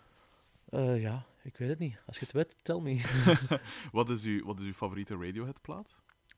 Eh, moeilijke. Ik, ik, van de laatste jaren in, in Rainbows denk ik Mhm. af en toe. Alhoewel ik als ik Kid A hoor ook altijd af en toe denk van shit, ja toch ook. Ja. Ik ben er wel in gedoken met de bands. De bands Ja. heeft mij eerst, eh, had ik eerst eh, ontdekt en ik vond het toch wel chic. Dat was toch wel nieuw. eh, en we een paar keer het geluk gehad met Metal Molly, met Radiohead op dezelfde festivals Oh, te dat spelen. Dus die waren die plaat aan het spelen, dus ik had dat ontdekt. En dan, ja, iets later kwamen de hits er al door. Hm. Ik kan me ook nog wel herinneren dat we nadien met Metal Molly op Pinkpop spelen. Wij spelen op het kleine podium. Allee ja, kleinere zo dan maar zeggen. Ja, inderdaad. Eh, en eh, een paar plaatsen dan speelde Radiohead. En Mhm. dat was eh, een tijdje voordat OK Computer uitkwam. Ja. En ik weet nog zo, tot zover mijn inschattingsvermogen, dat ze vier, vijf nummers daarvan spelen. Dat ik dacht van, dat is de kloot, nee, deze wordt niks. Hè. Deze, deze, deze is echt helemaal niet, dat gaat helemaal bommen. Hè. Dit is, dit is echt, eh, dus, mm, waarschijnlijk was er al Paranoid Android bij. Maar dat was de eerste keer dat ik dat live hoorde. Hm. En, ik, en ik dacht van, I don't get it. Dus, eh, maar ja, ik heb me gelukkig al vaker vergist. Dus de allereerste keer dat ik de plaat van Deus hoorde, Worst Case Scenario, dacht ik ook van shit, ik heb me laten vangen. Hè. Ik, heb, Hmm. ik had die plaat nooit mogen kopen. maar de Frank viel pas na de tweede keer. Tijdens Ja. de tweede keer begon ik echt... Maar dat was, dat was te, te, te ver van mijn bedshow Hmm. de eerste keer. Ik had het gekocht voor Suts en Soda. Mhm. Wat dan ook zo'n bom is dat voor mij part Tof, op Teen Spirit niveau kan staan. Zeker. Maar ja, al dat, al dat gefriemel van Rudy voor de rest van die plaat, wat de hel is die allemaal aan doen, jongen? Maar ja, geld terug. Maar nu, niet meer. Nu, ik heb ze het ook bijgehouden. Ja. Aha. Voor mij is het persoonlijk eh, vooral Amnesiac eigenlijk de Ah, ja. favoriete. Dat is natuurlijk het zuster... eh, ja, van hè. Ja. Dat is van dezelfde dingen ook. Omdat bijvoorbeeld een nummer gelijk Pyramid Song, ik heb het al veel gezegd tegen mensen in mijn, in mijn omgeving, Ja. maar ik heb al vaak gezegd, ik zal mijn been geven om dat te mogen hebben geschreven. Dat zit zo... Dat is toch Oh. met de weirde piano. Ja, ja. ja dat, waarbij is, dat je eigenlijk de drum van in het begin moet meedenken om de cadans eh, te snappen. dat is, vind ik ook zo geniaal aan Tom York. In Mm. feite, ik ben echt wel een Radiohead-liefhebber, alhoewel ik soms niet in mijn periode zit. Ik heb de vorige plaat, de laatste, niet gecheckt. Ik had nee. geen goesting. En som- soms de Radiohead is, is vermoeiender zo. En, Eh, Ehm, maar eh er was een heel schone sessie in de basement van Ja, Nigel Ze hebben er twee. Ja. Maar ze zijn al twee goed. Ja, en op een zeker moment, ze zijn al fantastisch aan het spelen. Zijn, Mm. denk ik, ik denk de, de, de In Rainbows plaat, denk ik, zijn dan Mhm. toen. Ja, dat klinkt klak hetzelfde. Ik hoor geen verschil. Dat is echt zo super fantastisch goed, alles live. Inderdaad. En dan gaat die motherfucker van een Tom York dus achter de drum zitten, zingt nog even perfect en gaat dan nog een complex drumritme erover doen. en dan denk zo van, dat is niet eerlijk. Nee, De Calimero-stijl. Dat is niet eerlijk. dat is echt... Nee. Oh, dat is zo'n gek. Ja, het is, eh, Ehm. ik, ik ken heel veel getalenteerde mensen en zo allemaal zo, maar, maar ja, wat die ook wel doet is op zo'n... eh, Veel zijn. Ik heb heel veel favoriete platen. Ik ben ook een grote Deerhoof-fan en zo allemaal, Mm. eh, die dat op hun beurt even geniaal zijn. Maar die hebben natuurlijk een mindere impact gemaakt op de, op Ja. de mensen. Hun, hun, hun, hun- Ja, dat is, dat is een Mm. andere moeilijke vraag. Zo, popmuziek, als je dat maakt of zo, Mm. is, is dat de bedoeling dat dat impact moet hebben op de mensen in hun leven? Moet dat wat populair worden? Of is dat niet nodig? Hè? Mm. Ja, ik weet niet dat je daar een antwoord op moet verzinnen, maar ik vind het wel een interessante vraag. zo. Mhm. Dus Radiohead heeft dat wel gedaan, Nirvana zeker ook. Daardoor schat ik die ook hoger in. Mhm. Omdat ik vind, ja, mensen dat, hele generaties hun leven kunnen beïnvloeden, toch een beetje respect. Zo. Dus, eh, Zeker. daarom heb ik zelfs wel respect voor Eddie Vedder. Die heeft dat waarschijnlijk ook gedaan. waarschijnlijk een heel lieve kerel en zo. Maar, eh, Ehm, zeg, ik wil nu wel eens ook eens over uw muziek hebben, want we zijn hier nu al eh, bijna een uur bezig en we hebben eigenlijk nog bijna niet over uw muziek oh ja, maar ik vind het niet zo... Nee, eerlijk, eerlijk gezegd niet zo. Ik, ik, ik ben zelf heel gepassioneerd op mijn eigen muziek Mhm. of zo. Maar... eh, Want ik ga er sowieso niet komen hè, met de, de tijd dat we afgesproken hebben. Hey, wat, wat duurt het nu? Het is nu bijna half één. Ah ja, maar af. Huh? Stel dat je wilt weten of zo. We zijn niet zo strak op het ritme, eh, op de tijd. Dus, Ja. eh, Ehm, wel, ehm, dus wat, we hebben al aangeraakt hè, met Al. Was uw eerste echte, uw eerste echte groep. Ehm, maar je zei daar, van, daar straks van, en dat brengt ons trouwens ook weer bij Tom York, en ik heb het ook in andere interviews al aangehaald. Je zegt van ja, die, die Albert-akkoorden en wat is het Ja. allemaal. Ehm, ik denk dat ik het al drie keer vermeld heb op een van deze dingen. Hè, maar Tom York, toen dat hij zijn, zijn eerste piano kocht, mhm. eh, hij kost nog geen piano spelen. En binnen, ik denk een week of twee of zoiets, het zal niet meer dan een maand geweest zijn, had een Pyramid Song en Everything in its Right Place geschreven. En je merkt dat ook als je die progressie van die akkoorden Ja, beziet. Dat is eigenlijk hetzelfde, dezelfde ja. progressie. Maar hij zei van ja, dat deed me geholpen omdat ik totaal geen piano kon spelen. En dan moet je inderdaad op een tast gaan zoeken, wat ik trouwens met heb, Ja, ja, dat je op de tast zoekt van... Eh, maar als je dan ziet, bijvoorbeeld een nummer gelijk Orange, om er nu maar één uit te lichten, Ja, in die een bridge en zo, of het, uh, allee, een opbouw naar zo de laatste climax, ja. Er zitten toch rare, eh, ja, maar raar rare hè. progressie van, van Ah, ja. noten en zo, maar allee, dat is toch... Ja, maar dat is inderdaad omdat we... Ah, we zaten ook nog een klein beetje met in in Nirvana Trip. Mhm. De Nirvana van progressief schoon deed is, eh, is geen fok van aantrekken van de, de klassieke schema's. Bijvoorbeeld, nou, stel je voor dat je met een A, A majeur vertrekt. Ja, Een heel klassiek schema is bijvoorbeeld even via F kruis mineur gaan en zo allemaal Ja. en, en verder. Bij Nirvana bijvoorbeeld, die pakt een A en pakt een F kruis majeur. ja, Wat dat even al veel harder was. eh, eh, eh, en dan en bijvoorbeeld de akkoorden daarna ook allemaal majeur. ja. Of bijvoorbeeld drie mineurs achter elkaar en zo allemaal. Allee, meestal was het majeurs. Hè. Mm. Maar voor mij was dat iets nieuws, want dat, dat betekende wel dat, dat hem zijn, zijn achtergrond kende, maar het gewoon zo wat negeerde. En dat Ja. veel... Het maakte het niet dissonant, Mm. totaal niet. Het maakte het nog altijd heel aantrekkelijk, maar het maakte het veel... Ik weet niet... Geblokter, vierkanter, meer in your face. Mhm. Met Metal Molly gebruikte dat principe ook. Dus dat waren wat moeilijke akkoorden. Maar we hadden gewoon zoiets... Oké, deze moeilijke akkoord hier, op deze hoogte, dat is nu eenmaal het tweede akkoord. Mhm. Dat dan een rare verhouding heeft ten opzichte van het eerste akkoord, kan ons niet schelen. We gaan nu melodie verzinnen tussen die, omdat die twee Ja. klinken. En dat één raar akkoord erin zit, zo, dat, dat is het deze akkoord. Ja. Dus omdat we dat hadden geleerd van de, van de tung. Ik weet niet welk nummer dat, dat is. Is met dat jazz drummetje zo. Dan komt Tom Baron binnen. Dat nummer. Eh, tung, Ah ja, dat, tung. Ja. En, eh, en daar hadden we daarvan gepikt. Dat is oké, weer een akkoord erbij. Kunnen we ook gebruiken. En dus dat zit in die brug. Eh, Mhm. Maar die brug zelf is, ja, dat, om qua lulligheid te verklappen, eh, eerlijk gezegd, ehm, die brug hebben ik en Alan dan samengemaakt toen we echt st- st- toeterstoned waren, weet ik nog zo. Dus, en we hadden zoiets van, we moeten hier een brug hebben, we moeten hier een brug hebben, want dan, dan, dan, maar dat mag wat anders zijn. Mhm. Eh, wat kunnen we desnoods afrippen dat, van iets totaal anders dat we daarin kunnen gebruiken? En we, hebben dan, we waren dan wat domme plaatjes aan het zoeken en Mhm. ineens kwamen we terecht op, ik weet niet zijn naam zelfs niet meer, maar het nummer was... eh She wore an itsy bitsy teeny weeny yellow yellow. Dus als je de polka brug van eh, eh, Orange... Wat, de wel... eh, oranges are green, have you seen Ja, ja. Dus eh, itsy bitsy teeny Ja, ja, weeny. dat was zo... was Oké, dit is een goede flow.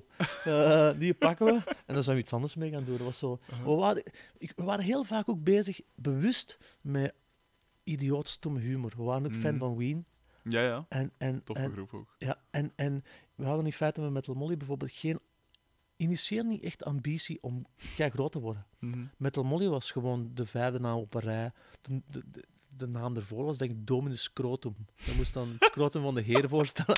Blijkbaar toch een beetje een religieuze fixatie hier in deze Ja, kamer door mij. Ehm, ik denk dat trouwens een, een, een, een, een grammaticaal incorrect is. Ja, ik denk dat Domini zal zijn. Ja. Als ik als mijn Latijn nog, op mij, nog niet Ja. in de steek laat. Ja, maar ja, met- Dominus klonk dan waarschijnlijk commerciëler dat we dat hebben genomen. Dus, eh, Mhm.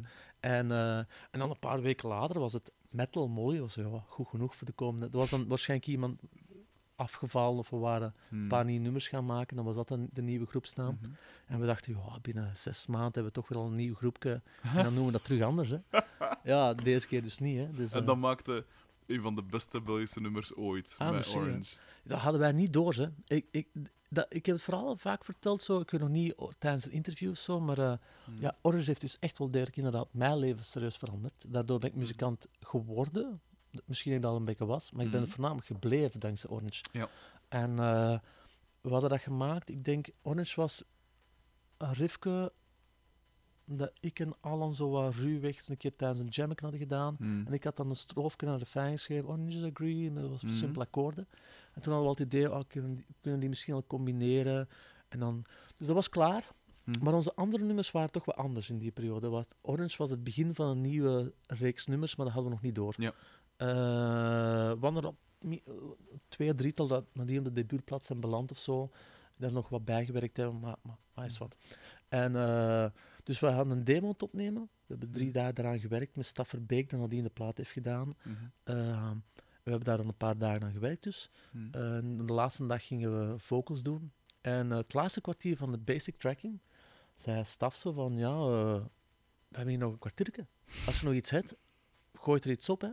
En wij hadden zoiets, ik en Allen, zo van, we gaan dat één nummerke doen, dat raar nummerke. We waren daar helemaal niet tevreden over Orange. Dat was een raar, nu eerst dat riffje, en dan zus, en dan die raar brug met die itsy bitsy tine. Was van, we hadden gedroogd gewoon zo.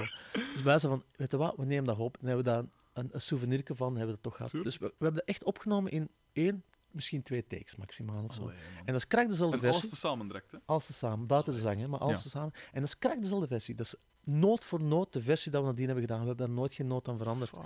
En wij wisten het niet. Wij hadden gewoon, oké, is dat raar nummer. En, en ik weet nog dat Ad, onze geluidstechnieker, er toen bij was. Dat zei van, ah, die, tijdens een intercom, de mannen hebben naar Evil Superstars geluisterd. En wij zo ah, is dat was, ja, misschien wel, wie weet zo. Hè. We hadden geen idee dat dat goed was. Mhm. En nadien dus in demo tape beginnen na te sturen. En daar begon iedereen op te reageren. Die andere Mhm. nummers dat we hard op hadden gewerkt, dat in onze ogen beter waren, Mhm. ja, die waren wat...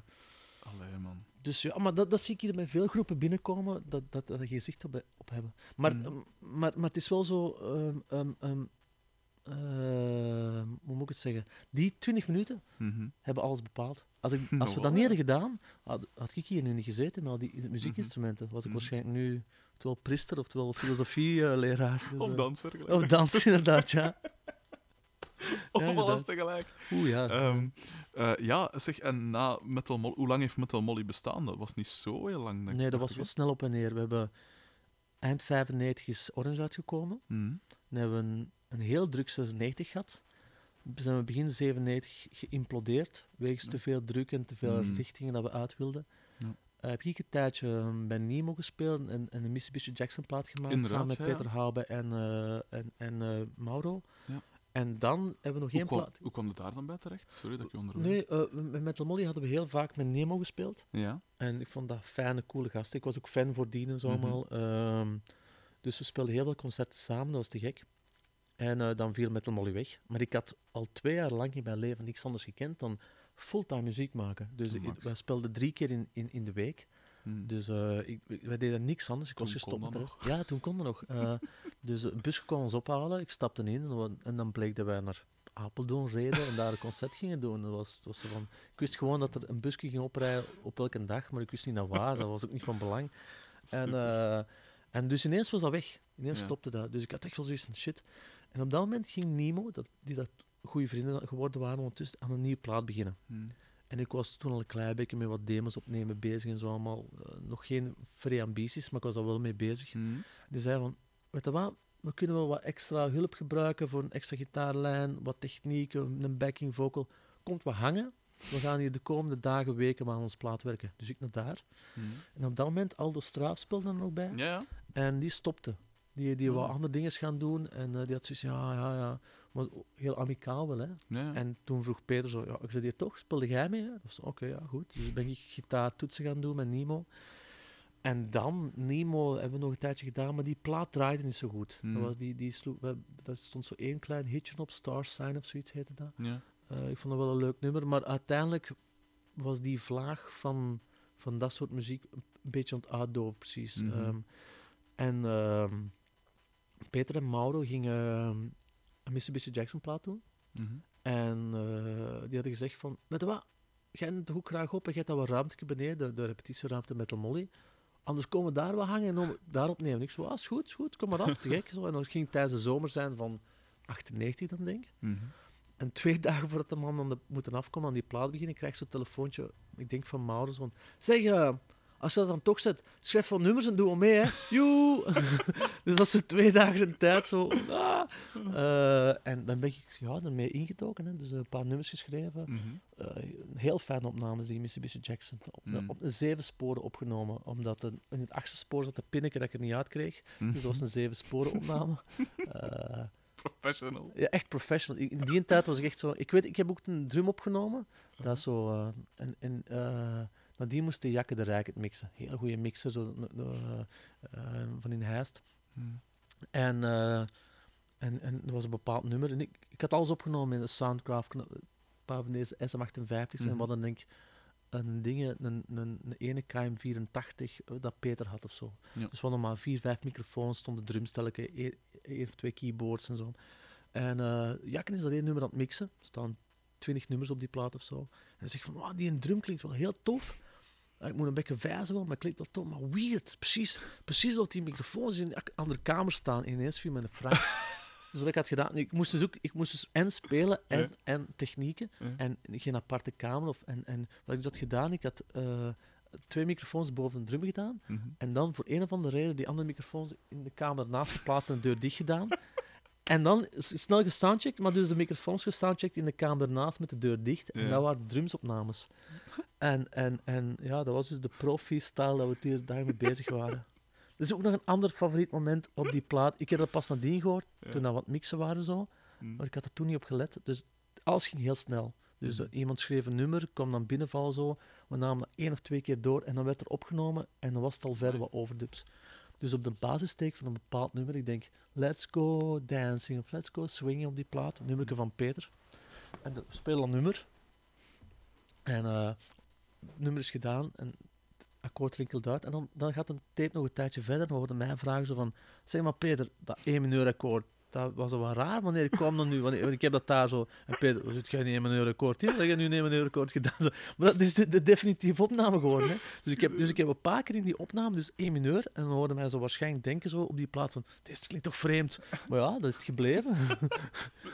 Ja, dus dat was, dat was een beetje de sfeer van die opnames. En, ja, ehm, eerlijk gezegd, dat is misschien mijn favoriete plaat waar ik zelf op meedoe, dat ik nog eens durf opzetten. Mhm. De rest vind ik allemaal ja, heel in de gloria. eh eh, preselecties The Voice van Vlaanderen-achtig. Ja.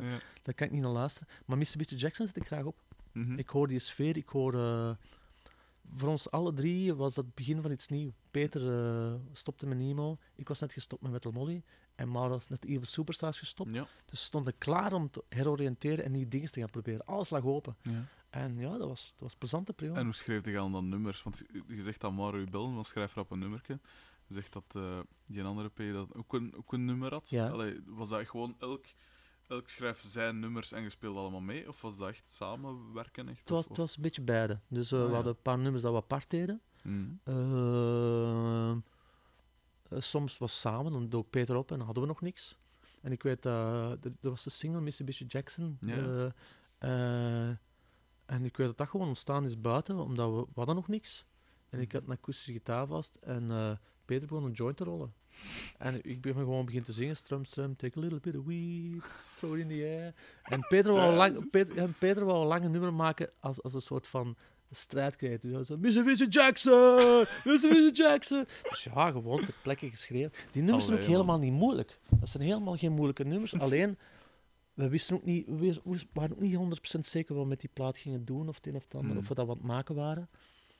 Maar het is ook wel, eh, ik besef ook wel dat, eh, ik, ik vind dat platen opnemen niet moeilijk is, of niet moeilijk moet zijn. Mhm. Maar toen ging het ook wel heel vlot. We deden, we hebben, ja, we deden minimaal twee nummers per dag. Van begin tot einde. En soms ter plekke schrijven. Zo. Dus, eh, maar, maar ja, dat is niet altijd. Hè. Soms doe je één nummer op een maand. Hè. Mhm. Dus, eh, en dat is dan nog een slecht nummer. Dat ken ik. Ja, ja, ja het is, dat is het, het schone en het klotige aan muziek. Is, Mm. er, is, er, zit, er zit geen rechtvaardigheid nog logica in. Hè. Nee. De, dus de juiste state of mind, Mhm. denk ik. eh, de juiste sterren dat goed staan. Hè. Dus, eh, Mhm. Dus op dat punt had al met een aantal legendarische muzikanten samengewerkt. En dan, eh, als ik me niet vergis, dus Mitsubishi Jackson heeft ook niet zo heel lang bestaan, dacht ik, of wel? Nee, maar wij zijn in theorie nog niet gesplit. Hè. We zijn gewoon niet bezig. Allee, we hebben een plaat gemaakt nu. eh, Maar iedereen maakt gewoon zijn eigen. ja, het is, het is, het is, eh, Mitsubishi Jackson is een, is een soort langdurig project on the side. Mhm. In plaats van barbecue maken we dan plaatjes. Hè. Dus, eh, maar maar de laatste platen die we hebben gemaakt, er zijn er nu drie. De eerste doe ik niet mee, ik doe alleen de laatste twee mee. Mhm. Eh, die is van een jaar of vier, vijf geleden. Ah, toch? Een Ah, instrumentale plaat. Dat mis, ja. Ja, maar die, die, die is niet zo hard opgevangen, omdat we, we zingen er geen van drieën op. Het is gewoon instrumentaal zo. Die is niet slecht, hè? Nee? maar die is, ja, totaal, het was het idee van, wat als we nu instrumentale muziek gaan maken? Mhm. Dus eh, je merkt al, heel de wereld is daar dolenthousiast opgedoken. dus eh, dat heeft een aardverschuiving teweeggebracht. Zo. We hebben er ook niet live mee gespeeld of zo. Dat, Ah, ja. dat, dat ging niet qua agenda. zijn. Dat was ook niet zoveel Nee. nut. Niet zoveel nut. Ehm, en, en, en, en, eh, maar we zijn nooit gestopt, omdat we, ja, Mhm. omdat we nauwelijks begonnen zijn waarschijnlijk. Dus, eh, En eh, na, wat, wat kwam er dan na Mitsubishi Jackson? Want je had zodanig veel dingen gedaan dat je op een duur ja, ja, overzicht... ja ik, ik, dat, klinkt, dat klinkt stom, maar misschien dat, dat... Er zijn heel veel kleine projecten geweest dat we maar een keer een single Mm. hebben gedaan of zo. mhm. Maar de grotere spullen, dat ik me nog kan herinneren, dat we echt albums hebben gedaan, nadien was het dan, ja, denk ik al... Ik denk eerst Chitlin Folks, als je Chitlin Folks kent. dat zegt mij iets. Ja, de Chitlin Folks was een, een, een, een, een country folk samenwerking. Ehm, dus toen had ik dus Led Belly onder andere meer Ja. aan het uitblazen geweest, akoestische gitaar aan het verdiepen, Mhm. omdat ik eh, hm, vond dat alleen maar luide akkoorden op luide gitaar spelen, dat was ook wel beperkend. Dat ik dacht van, Mhm. ja, maar als ik dan Skip James hoorde, en ik vond dat krachtiger soms dan Ja, ja. Alice in Chains. Ja, dus, eh, en eh, dat was met Kerel van Dijk van Bed Serveert. Ja. En we zaten bij hetzelfde management en ook een beetje dezelfde platenfirma. Mhm. En eh, onze toenmalige manager, Fred Maassen, eh, die zei van, als jullie nu een keer samen, stemmen samen gaan zingen, want ik was al wat met Bed Serveert mee op tournee geweest, Mhm. invallend bassist, ik had wat backings meegedaan op de platen, ik had een nummer meegeschreven en zo. Die zei van, wat als je nu eens eh, een keer samen een keer een paar country nummers eh, en, en country folk-achtige dingen doet, heel vroege country. En ik had echt zoiets van, what the fuck is deze voor een geflipt idee? Maar aangezien dat Fred een goede maat was en een grote muziekkenner, dachten we, ik wil het wel proberen. Ja. En hebben we op één avond een keer even een nummer gecoverd, opgenomen, en dat was te gek. En hebben we diezelfde avond nog twee nummers geschreven, ik in Kerel. En drie weken later hebben we een plaat opgenomen. Zo, eh. Dus, Allee, man. ja, maar ja, dat is ook, ja, maar dat zijn de geacte... De countrymuziek, het grote voordeel daarvan is, en ik heb dat met medeproject al gedaan, is dat je niet wiel terug moet eruit vinden. Nee. Je, je, je, je duikt heel hard in een bepaalde soort eh, wereld dat niet Hmm. meer echt evolueert. Dus je weet heel goed van, een refrein moet ongeveer zo zingen. De manier van zingen is ongeveer dat. Dit zijn de thema's, dit zijn, Hmm. is de instrumentatie. Als je alles moet onderzoeken en alles in vraag stelt, gelijk bijvoorbeeld een Radiohead-plaat nu dat we het over hebben, ja, dat, dat duurt langer. Ja, dat langer. wel. Dus zo'n countryplaat maken was eh, heel plezant, te gek, omdat wel andere automatismen dat je kon aanspreken. Mhm. En dan zijn we daarmee op tournee geweest, eh, in Amerika voornamelijk. Zijn we een paar weken door in Amerika aan toeren geweest, dat was tof. Met ons twee gewoon eh, zaaltjes doen. Cool. Eh, ja, dat, was, dat was 2000, 2001. Ja. Zo, en dan vlak nadien eerste Suke Love plaat. Omdat die mensen van de Amerikaanse platenfirma Ginder vroegen van... En wat doe jij naast je country carrière? en dus buiten het splitten met Metal Molly en Mr. Bitch Jackson, dat we niet echt, niet echt buiten de grenzen mee zijn Mhm. gegaan, denk ik. eh, was ik juist aan het beginnen met Sukilaaf. Mhm. En ik zei van, ja, ik kan daar wel iets van laten horen. Die vond dat tof en dan is Ginder een EP uitgekomen en was dat ook wel al vertrokken een bekken. Dus, Ja. Hoe, hoe, hoe groot waarde dan? eh, Gelijk bijvoorbeeld in, in Amerika, want ja, niet Nee. groot neem ik aan. nee, nee, maar hoe, niet hoe, groot. hoeveel, ja...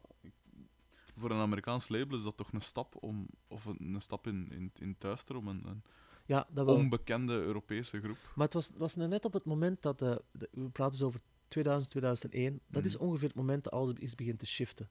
Op het moment dat eh, de, de muziekbusiness in Napster en steady zo, decline, ja, steady decline is gegaan. Maar dus op het moment dat we die, dat contract kregen voor een paar platen, Mhm.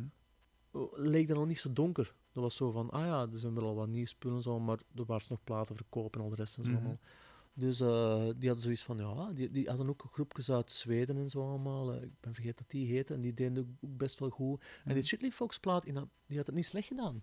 Eh, die had wel wat verkocht en die optredens en zo, maar dus die hadden daar zeker geen verlies aan geleden. Omdat ja, we hebben die plaat ook opgenomen op twee dagen, zo voor een paar honderd euro's, dat kostte niks. Hè. Mhm.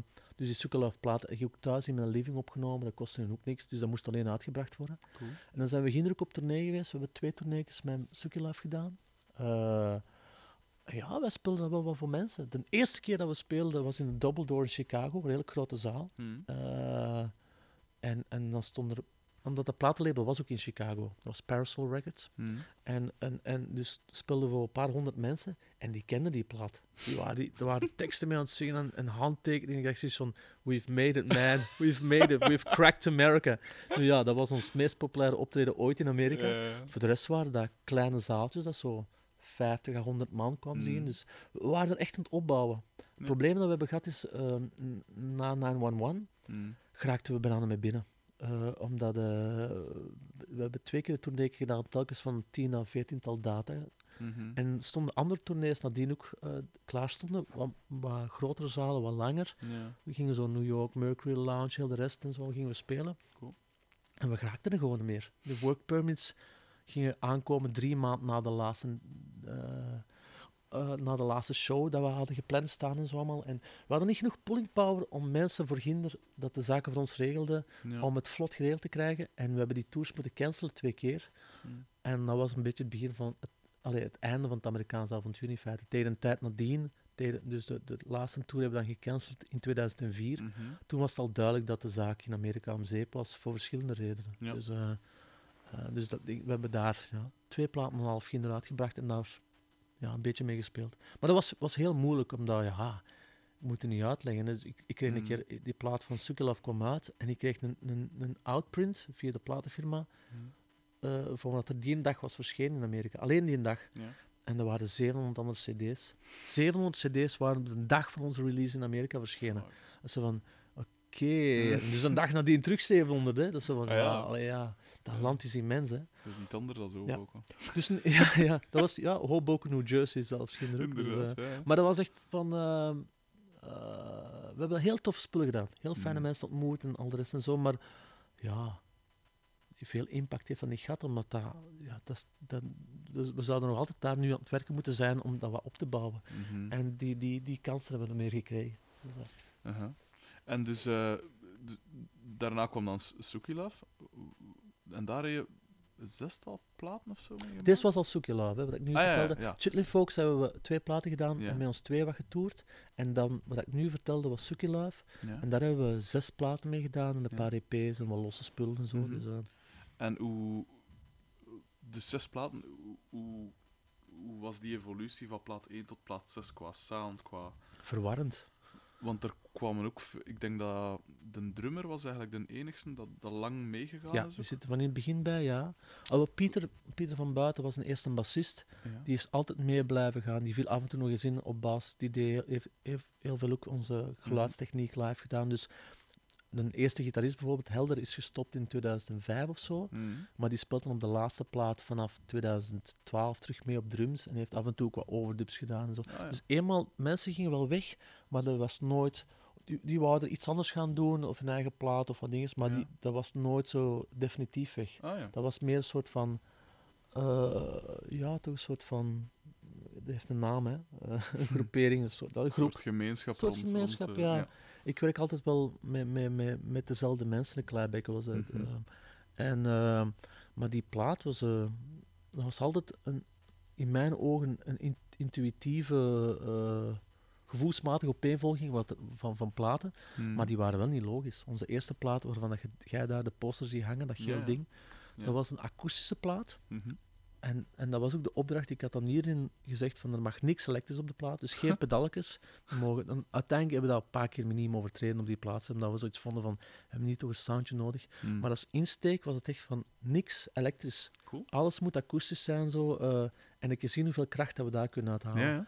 En, en ik wou ook classic songwriting. Ik wou ook echt zo eh, komen. Ik kwam net uit die Chili Fox periode en ik had zoiets van ja, tijd om al die rare schema's, al orange te vergeten. Laten we een keer gewoon verder bouwen op traditie. Laten we wat volwassen doen. Nu ja, dat heb ik één plaat lang volgehouden. en toen dacht ik van, it ain't me man. Ja. Eh, eh, en dan de volgende plaat was het omgekeerd. Hè? Dus alles moest elektrisch. En Mm.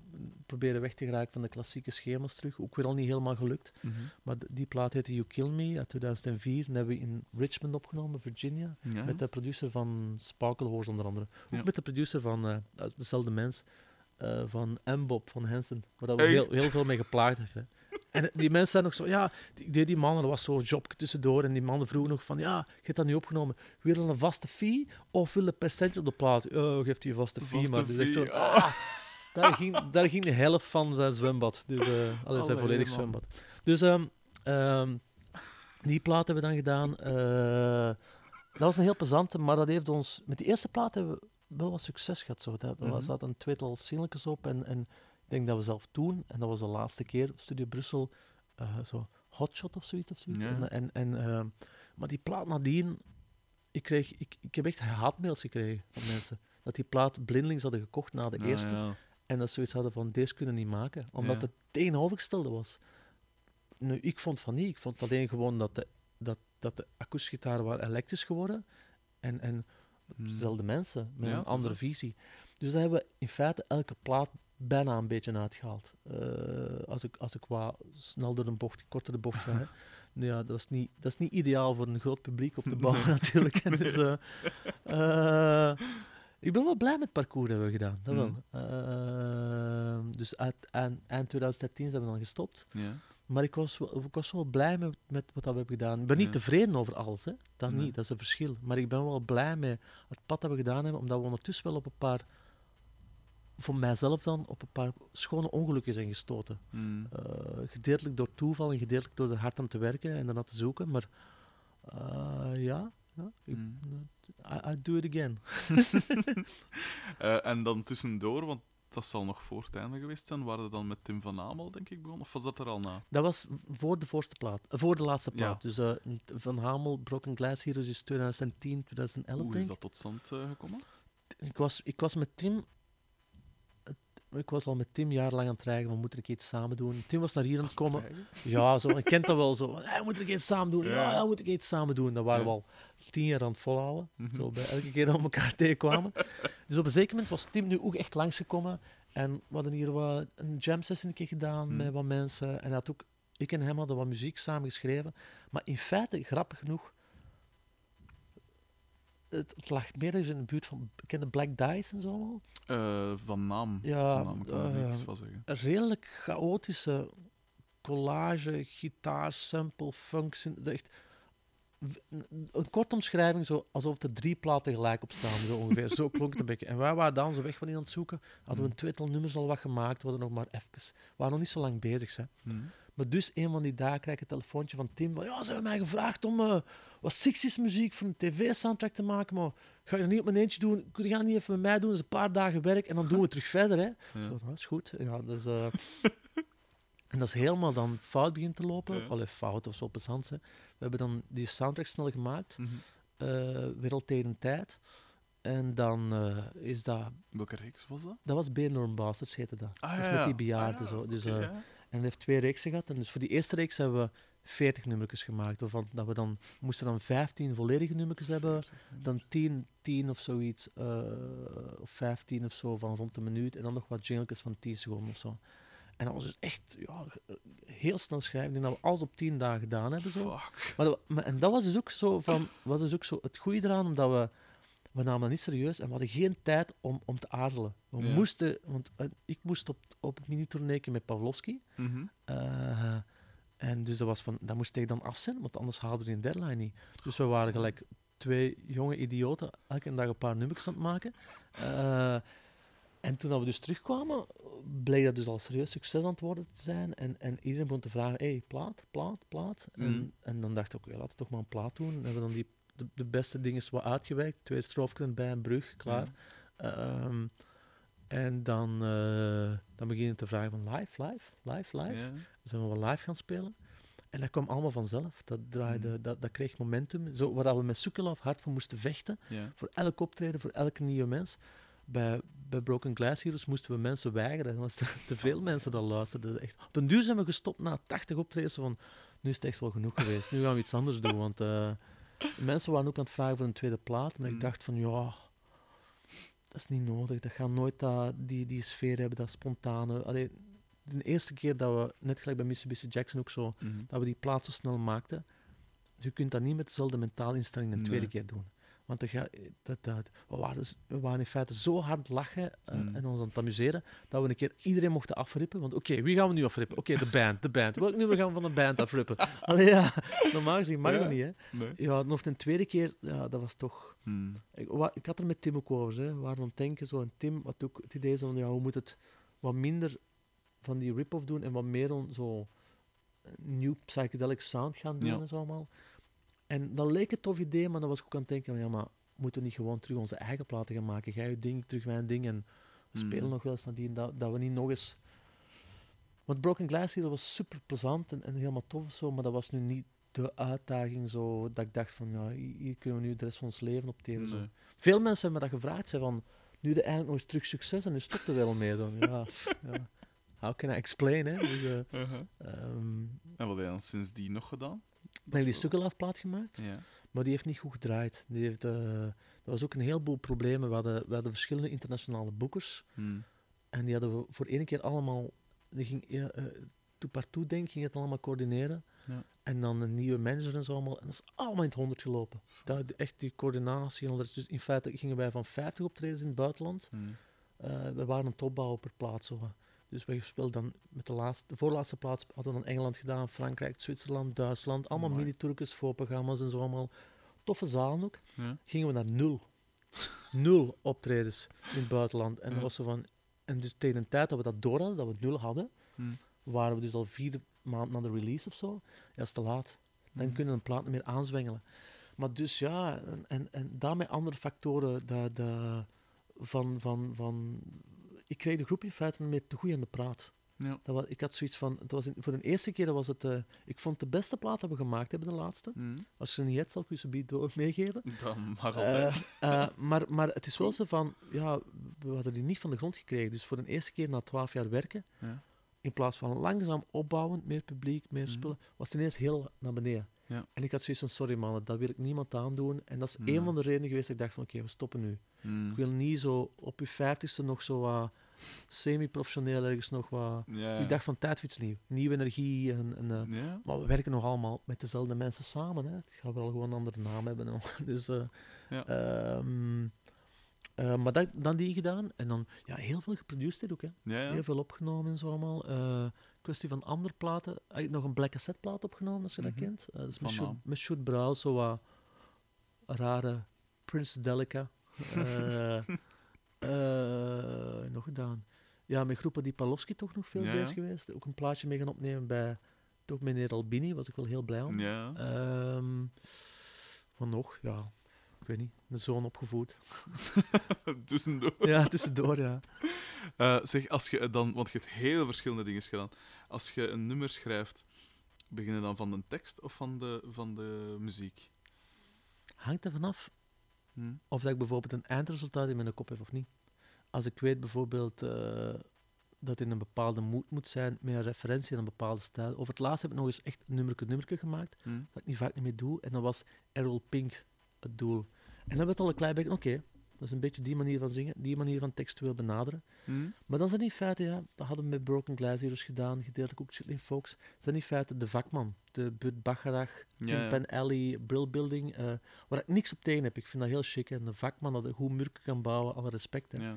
Maar dan weten we dat je aan het doen zit. Je hebt Hmm. een plan, je hebt een blauwdruk voor je.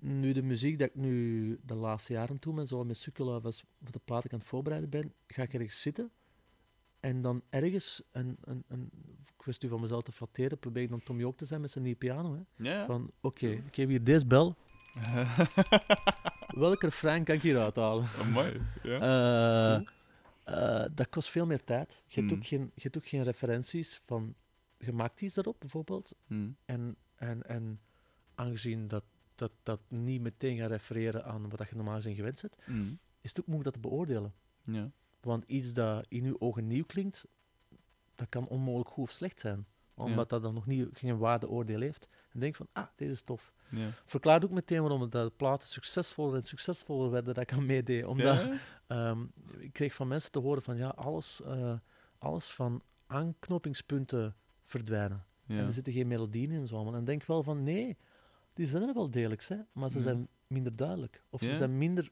Het is niet... Meestal in, in een nummer, als je één aanknopingspunt hebt, krijg je er meteen nog tien achteraan. Om het u duidelijk te maken van, kijk, we zijn met, met dit bezig. We gaan daar naartoe, we zijn met dit bezig. Als je maar eentje geeft en het volgende aanknopingspunt staat daar diametraal tegenover. Ja, ja, dat is, ja ik, ik vind dat wel tof. En, en ik ben er ook niet. Het is ook niet. Als ik, als ik dan die, die muziek van mezelf maak, is dat niet moeilijk doen om moeilijk te doen. Ja. In feite ben ik op zoek naar die Smells Like Teen Spirit kick van Nirvana. ja, tuurlijk. Dat ik iets hoor van. Spannend. Wat de, ja, spannend. Wat Ja. de hel is dit? Ja. Is dit wel goed? I don't know, maar het voelt goed. Eh, dat probeer ik nog altijd. Natuurlijk, ja, dat gaat niet als je, wat dat jij in het begin zei, nostalgische muziek maakt. Nostalgische muziek geeft je gewoon een good feeling. Nu die klots van Zwagge doe, als daar vier blazen in kieken, drie backing vocalisten en de rest, en je zingt de lieken dat je al 30 jaar kent, Hm. ah, feels good. Ja. Is dat spannend? Ja, een beetje, op andere manieren. Ja. Ik denk dat er iemand aanklopt. Ik ga even... Oh ja, dat is niet erg. Ik kom mij in stilte bezig.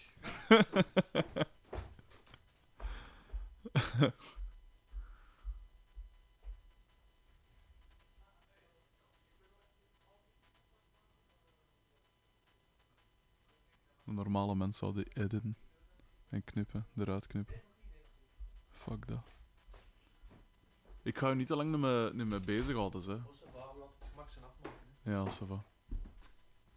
Die staat er dus in, hè. Die stilte, dat blijft gewoon. Ah, oké, is goed. Goed, ik ben terug. Ik ben terug. Profi-style. Uh-huh. Dus Eh, ik wou dat zeggen, een spannend gevoel. En, en wat dat je dus minder hebt bij zo'n retro. eh, Ja, ik heb wel een feel-good. Muziek is voor verschillende doeleinden. Hè. mm. Muziek kan, kan je sereen maken, zet ik klaar op. Dat ik denk van, oké, overload, wil ik wat klaar hebben. Mm. Of ik wil wakker worden om, om weg te gaan. Dan zet Mhm. ik iets ja, meer techno-gericht op, bijvoorbeeld. Op de telefoon. Ja, eh, eh, maar ik luister heel veel, de, de laatste weken ben ik bijvoorbeeld heel veel eh, die Clark-plaat aan het beluisteren. Ja. Ja. James Ja, ja. Holden en zo allemaal. James Holden, die plaat van 2013 moet het zijn. Hoe heet het nu ook wel? Ah, dat soort spullen, dingen ook. ehm ah, oh, ik kom nu met een paar namen zo. Eh, Inga Copeland ook heel veel aan het luisteren. Ah, die zat in een duo. Hype Williams, Dean Blunt, Inga Copeland, dat soort spullen. Mm. Ah, dat, dat, dat is spannend, dat voelt echt goed aan of zo. Maar ik zet dat niet s ochtends op als ik wakker word, want dan, dan wordt het een rare dag. Eh, Ja, ik zet ook niet op als ik ga in slaap vallen of zo. Dus ja, muziek dient voor zijn bepaalde Mm. moed. Af en toe zet ik dan een keer inderdaad een keer iets op dat ik van vroeger ken, omdat, waarschijnlijk omdat ik daardoor getroost wil worden. Hè. Dat Mm. dan bepaald, dat ik weet, die feeling heb ik nu nodig. Ja, natuurlijk. Natuurlijk, als je 24 uur op 24 met muziek bezig bent, gelijk jij zit daar waarschijnlijk ook Ja, mee ja. bezig, je zit er constant mee bezig, dan gebruikt de muziek anders dan Mm. mensen dat dan maar af en toe opzetten aan hun werk. Zeker. Die willen niet altijd uitgedaagd worden, die willen namelijk die willen getroost worden door die muziek. Ja. Oftewel, even, als je, zeker als je jong bent, alles van energie eruit gooien, van Mm. frustraties en zo allemaal. Ehm, ja, bij mij is dat constant op zoek gaan naar en, en even die, die rust van die nostalgie, die, Mhm. dat, dat- die comfortzone. Maar heel vaak is die comfortzone ook gewoon een beetje boring. Hè? Ja. En dan denk je van, ja, dit is niet 100% wat we het voor doen. Hè? We, we doen het ook een klein beetje om, om, om alive te voelen en, en, en, en te voelen dat, dat de wereld nog vooruit gaat. Ik heb het soms een beetje... Ik vind het soms heel jammer van mensen die al, alleen nog maar luisteren naar muziek van toen dat ze 18 waren. En, zo, en dan 30 zijn en zeggen, ja, ik weet niet, het is toch niks schoenen meer en zo. En dan denk ik van, je luistert niet. Je Ja. luistert echt niet. ja, inderdaad. Ik heb, wat dat je daar zegt van zo, hè, de juiste muziek bij de juiste, ja, bij het juiste, wat dat gaan doen zet op dat moment van de dag. Ik heb, eh, misschien kende, kende Tim Hacker. Dat is Ja, een. Canadees met zo'n heel rare, soundscape-achtige dingen. Ja, Ehm, ik ben nu ook zelf bezig aan een roman, het schrijven van een roman, omdat die een, die een boek van Wilmots was nu niet echt... En ik, Dat was toch niet uw literaire hoogtepunt? Ah, wel, nee, ja, het is, ze zeggen dan van, ah, nu zijn we schrijver. Nee, dat is het nog niet. Ik heb een boek gevuld. Theoretisch wel, hè? Ah, wel, ja. Als oh, die ja. Joy Anna Tielemans, dat is, dat ook een schrijfster, hè? Dat is wat een gemakkelijk doelwit, hè? Dat is, Nee, dat is waar. Doe hier maar een edit in uw podcast. Dus, eh, Ehm, maar dus inderdaad, ik ben nu bezig aan een roman. Ja. En dat is vrij donker en zo. En eh, ik was onlangs naar hem gaan. Ik heb hem al twee keer live gezien, wat dat de max is trouwens. In volst- volstrekte duisternis. Oké. Zelfs geen stage light of niks en nul. Hè. ja, Gewoon volstrekt duister. En elke keer als ik, ehm, als ik wil schrijven, dus als ik denk van kom, ik heb hier drie uur dat ik echt niet gevuld krijg met iets, en ik, ga, ik schrijf wat voort.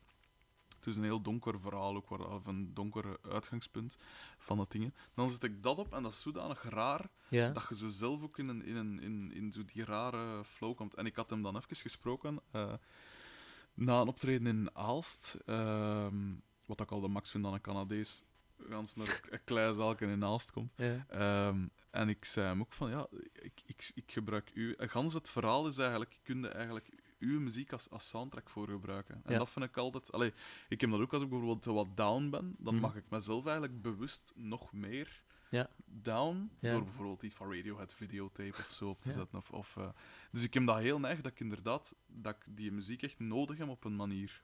Allee, en ook eh, het ding is eh, intenser maken door die muziek. Want ik denk dan ook van, als je down zet, zet dan volledig down. Niet tot op punt dat het gevaarlijk wordt. Maar, Whatever works, hè? Ja, voilà. zo- ja. Dus ik begrijp dat heel goed, wat dat hier allemaal eh, zegt. Wat ik toch ook nog even eh, wil weten, ehm, en dat is weer, dan gaan we weer een beetje terug naar Gear Talk. Eh, Wat voor...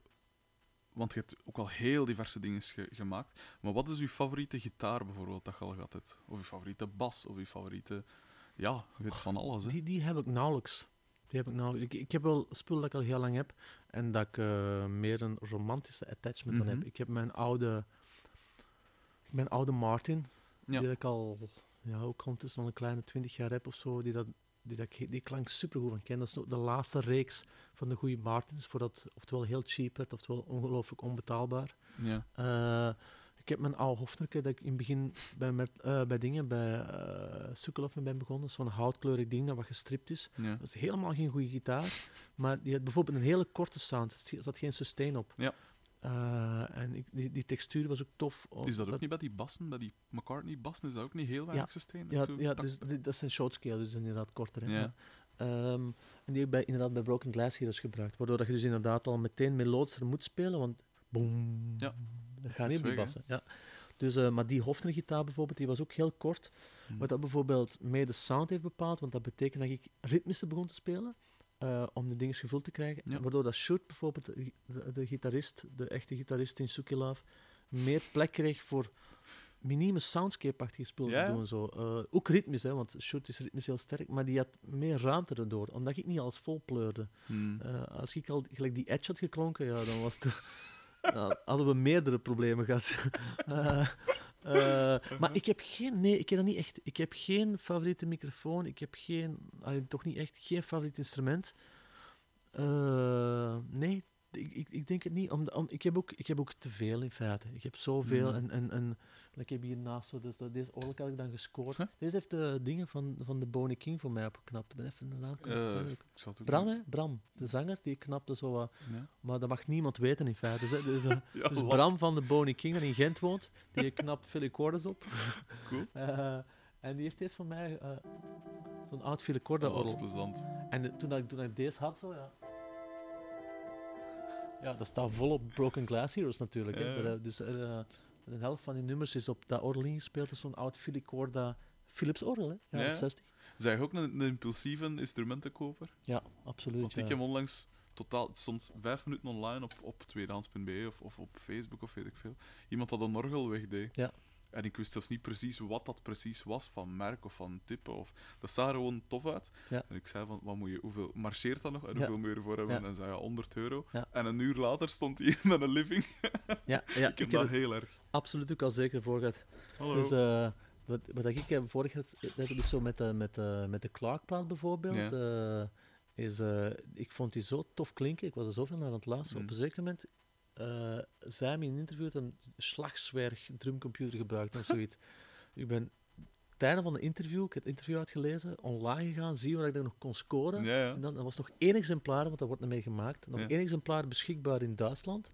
Daar zit de Fuffelari. En dan ja, drie, vier dagen later kwam hij hier toe. Dus echt, maar dat moest... Ja, ik heb dat ook wel zo. De Maar, max. zo- maar ik kan het dan natuurlijk verantwoorden. Dat is voor de studio. Hè. Ja, wel, we, gaan voilà. we, gaan dat, we gaan dat ook wel gebruiken, dus daar niet van. Dus, Uh-huh. Zeg, en, eh, want ik ga je laten, want je Ja. gaat net waarschijnlijk veel belangrijkere dingen te doen. nee, niet echt. Nee, nee. Zeg maar, jij hebt dus zodanig veel gedaan, zodanig veel getoerd in, in alle landen, allee, superveel landen. Mhm. Zijn er nog van die straffe verhalen of, of, of memorabele anekdotes dat je kunt delen? Och, ja, maar daar ben ik al slecht in. Zo. Gelijk, is gelijk moppen tappen. Zo. En ik heb hebt van die, gelijk de, de vroegere drummer van Metal Molly. Dat was echt dus een mop. En die begint eraan en zeven uur later is hij nog altijd op volle kracht bezig. Ik ben nu al zoiets van En angstzweet, van oei, een anekdote. eh Luc, heb je al met Luc, Da- Luc van Akker gepraat? Nog niet. Dat moet je doen. De vrijdag, vrijdagavond. Dus koopt je een extra Allee, harde ik, heb hem, schijf. ik heb hem vroeger al eens, eh, al, al, al, eh, want hij was toen gelieerd aan Alien Plants en ik kende, dat waren jonge gasten ook, uit het Gentse, en ik kende die gasten ook, ik heb er ook bijna bij gespeeld. Ja. Ehm, en toen ben ik een paar keer meegeweest naar eh, een opname op Urgent.fm of eh meegeweest naar Londen voor een optreden samen met School is Cool. Ja. Dus toen heb ik daar wel even mee gepraat en dat is inderdaad wel, die heeft wel wat dingen meegemaakt. Luc, Luc zegt al jaren, die heeft- die heeft echt wel veel meegemaakt. En Luc zegt al jaren dat hij alles op de- in een boek gaat schrijven. En ja, die wil ik zeker kopen. Ja. Maar ik, En ik zal- wil hem gerust ghostwriten.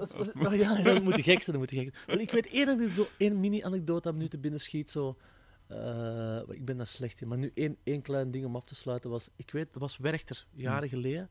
En ik ging naar de wc. En ik, doe, en, en ik wil ja, gewoon half... Ik wil die deur open doen. En ik hoor zo iemand... "Ah, just a minute. En dan en zo. Want ik, ik wil, oké, goed. Maar ik moest dringend. En al de rest was ook bezet. Dus ik wacht even. En inderdaad, 30 seconden later wordt de deur open gedaan. En Nick Cave komt eruit. maar dat is echt, was een bijzonder vreemd gegeven. Ja. Dat dus op een meter voor u Nick Cave uit het toilet komt. Ja. En ik ik echt zo dacht van, oh, nu moet ik, daarop, moet, moet ik er ook op gaan zitten. Zo. En Nick Cave, gaat hij naar de wc? Niemand heeft me Ja. dat gezegd dat hij naar de wc gaat. Dus, ja, ik het. dus ik wist niet goed wat doen, dat ik nu die wc-bril als souvenir moest meepakken. maar eh, toch maar gelaten. Ik heb gewoon licht, lichtjes wat afgelikt en dan eh, toch mijn ding gedaan. Dus, eh, Nick, eh, Nick Cave, hè. Dus, Moet er iets voor over ja, hebben. dus, ja, ja. En, nee, maar ja, anekdotes, ja. Mm. Het, het is, het is ehm, ik, ik wel weer in wat vreemde situaties en zo, maar dat wel plezant zijn. Zo, maar eh, ja, misschien als ik 70 ben, samen Luc van Akker een keer ons memoir schrijven. Zo. Maar die van hem gaat dikker zijn. Die gaat echt veel dikker zijn, die van Luc van Akker. Uh-huh. Ja, dat zou kunnen. Eh alleszins, enorm bedankt dat ik hier mocht komen. Ja, ja. Ehm, als ik mag, eh, ga ik je ooit wel eens iets van, iets van mijn eigen nummers doorsturen. Tuurlijk, Want ja. ik merk van, van gelijk die dingen van Radiohead dat je hier zegt, en, Mhm. en dat spreekt me wel aan. Allee, de, de, uw, uw kijk en zo. En, Ja. en, ehm, verwacht er vooral niet te veel van. Ehm, Ja. Maar ik zou toch eens willen, en dan zie je maar, als, als je het niks vindt of Ik wil dat weet ik veel. natuurlijk wel eens horen gewoon. Hè. Dus Mm. eh, dat betekent niet zo van... Allee, ik, ik luister gewoon graag nieuwe muziek ook. Voilà. Daar hoeft niks voor de rest aan vast te hangen. Hè. Dus, Mhm. Nee, het is dat. Eh, enorm bedankt nog eens. Eh, het is een, een van de plezantste en interessantste gesprekken dat ik al. Ik weet niet wat dat zegt over de rest. ik, Maar- ja, ja, ja. Het, is wel- het was wel echt eh, heel Misschien interessant. moet je dat stuk eraf knippen voor de rest. Hè, als No way. Oké, nee, je bent enorm bedankt. jij ook, merci.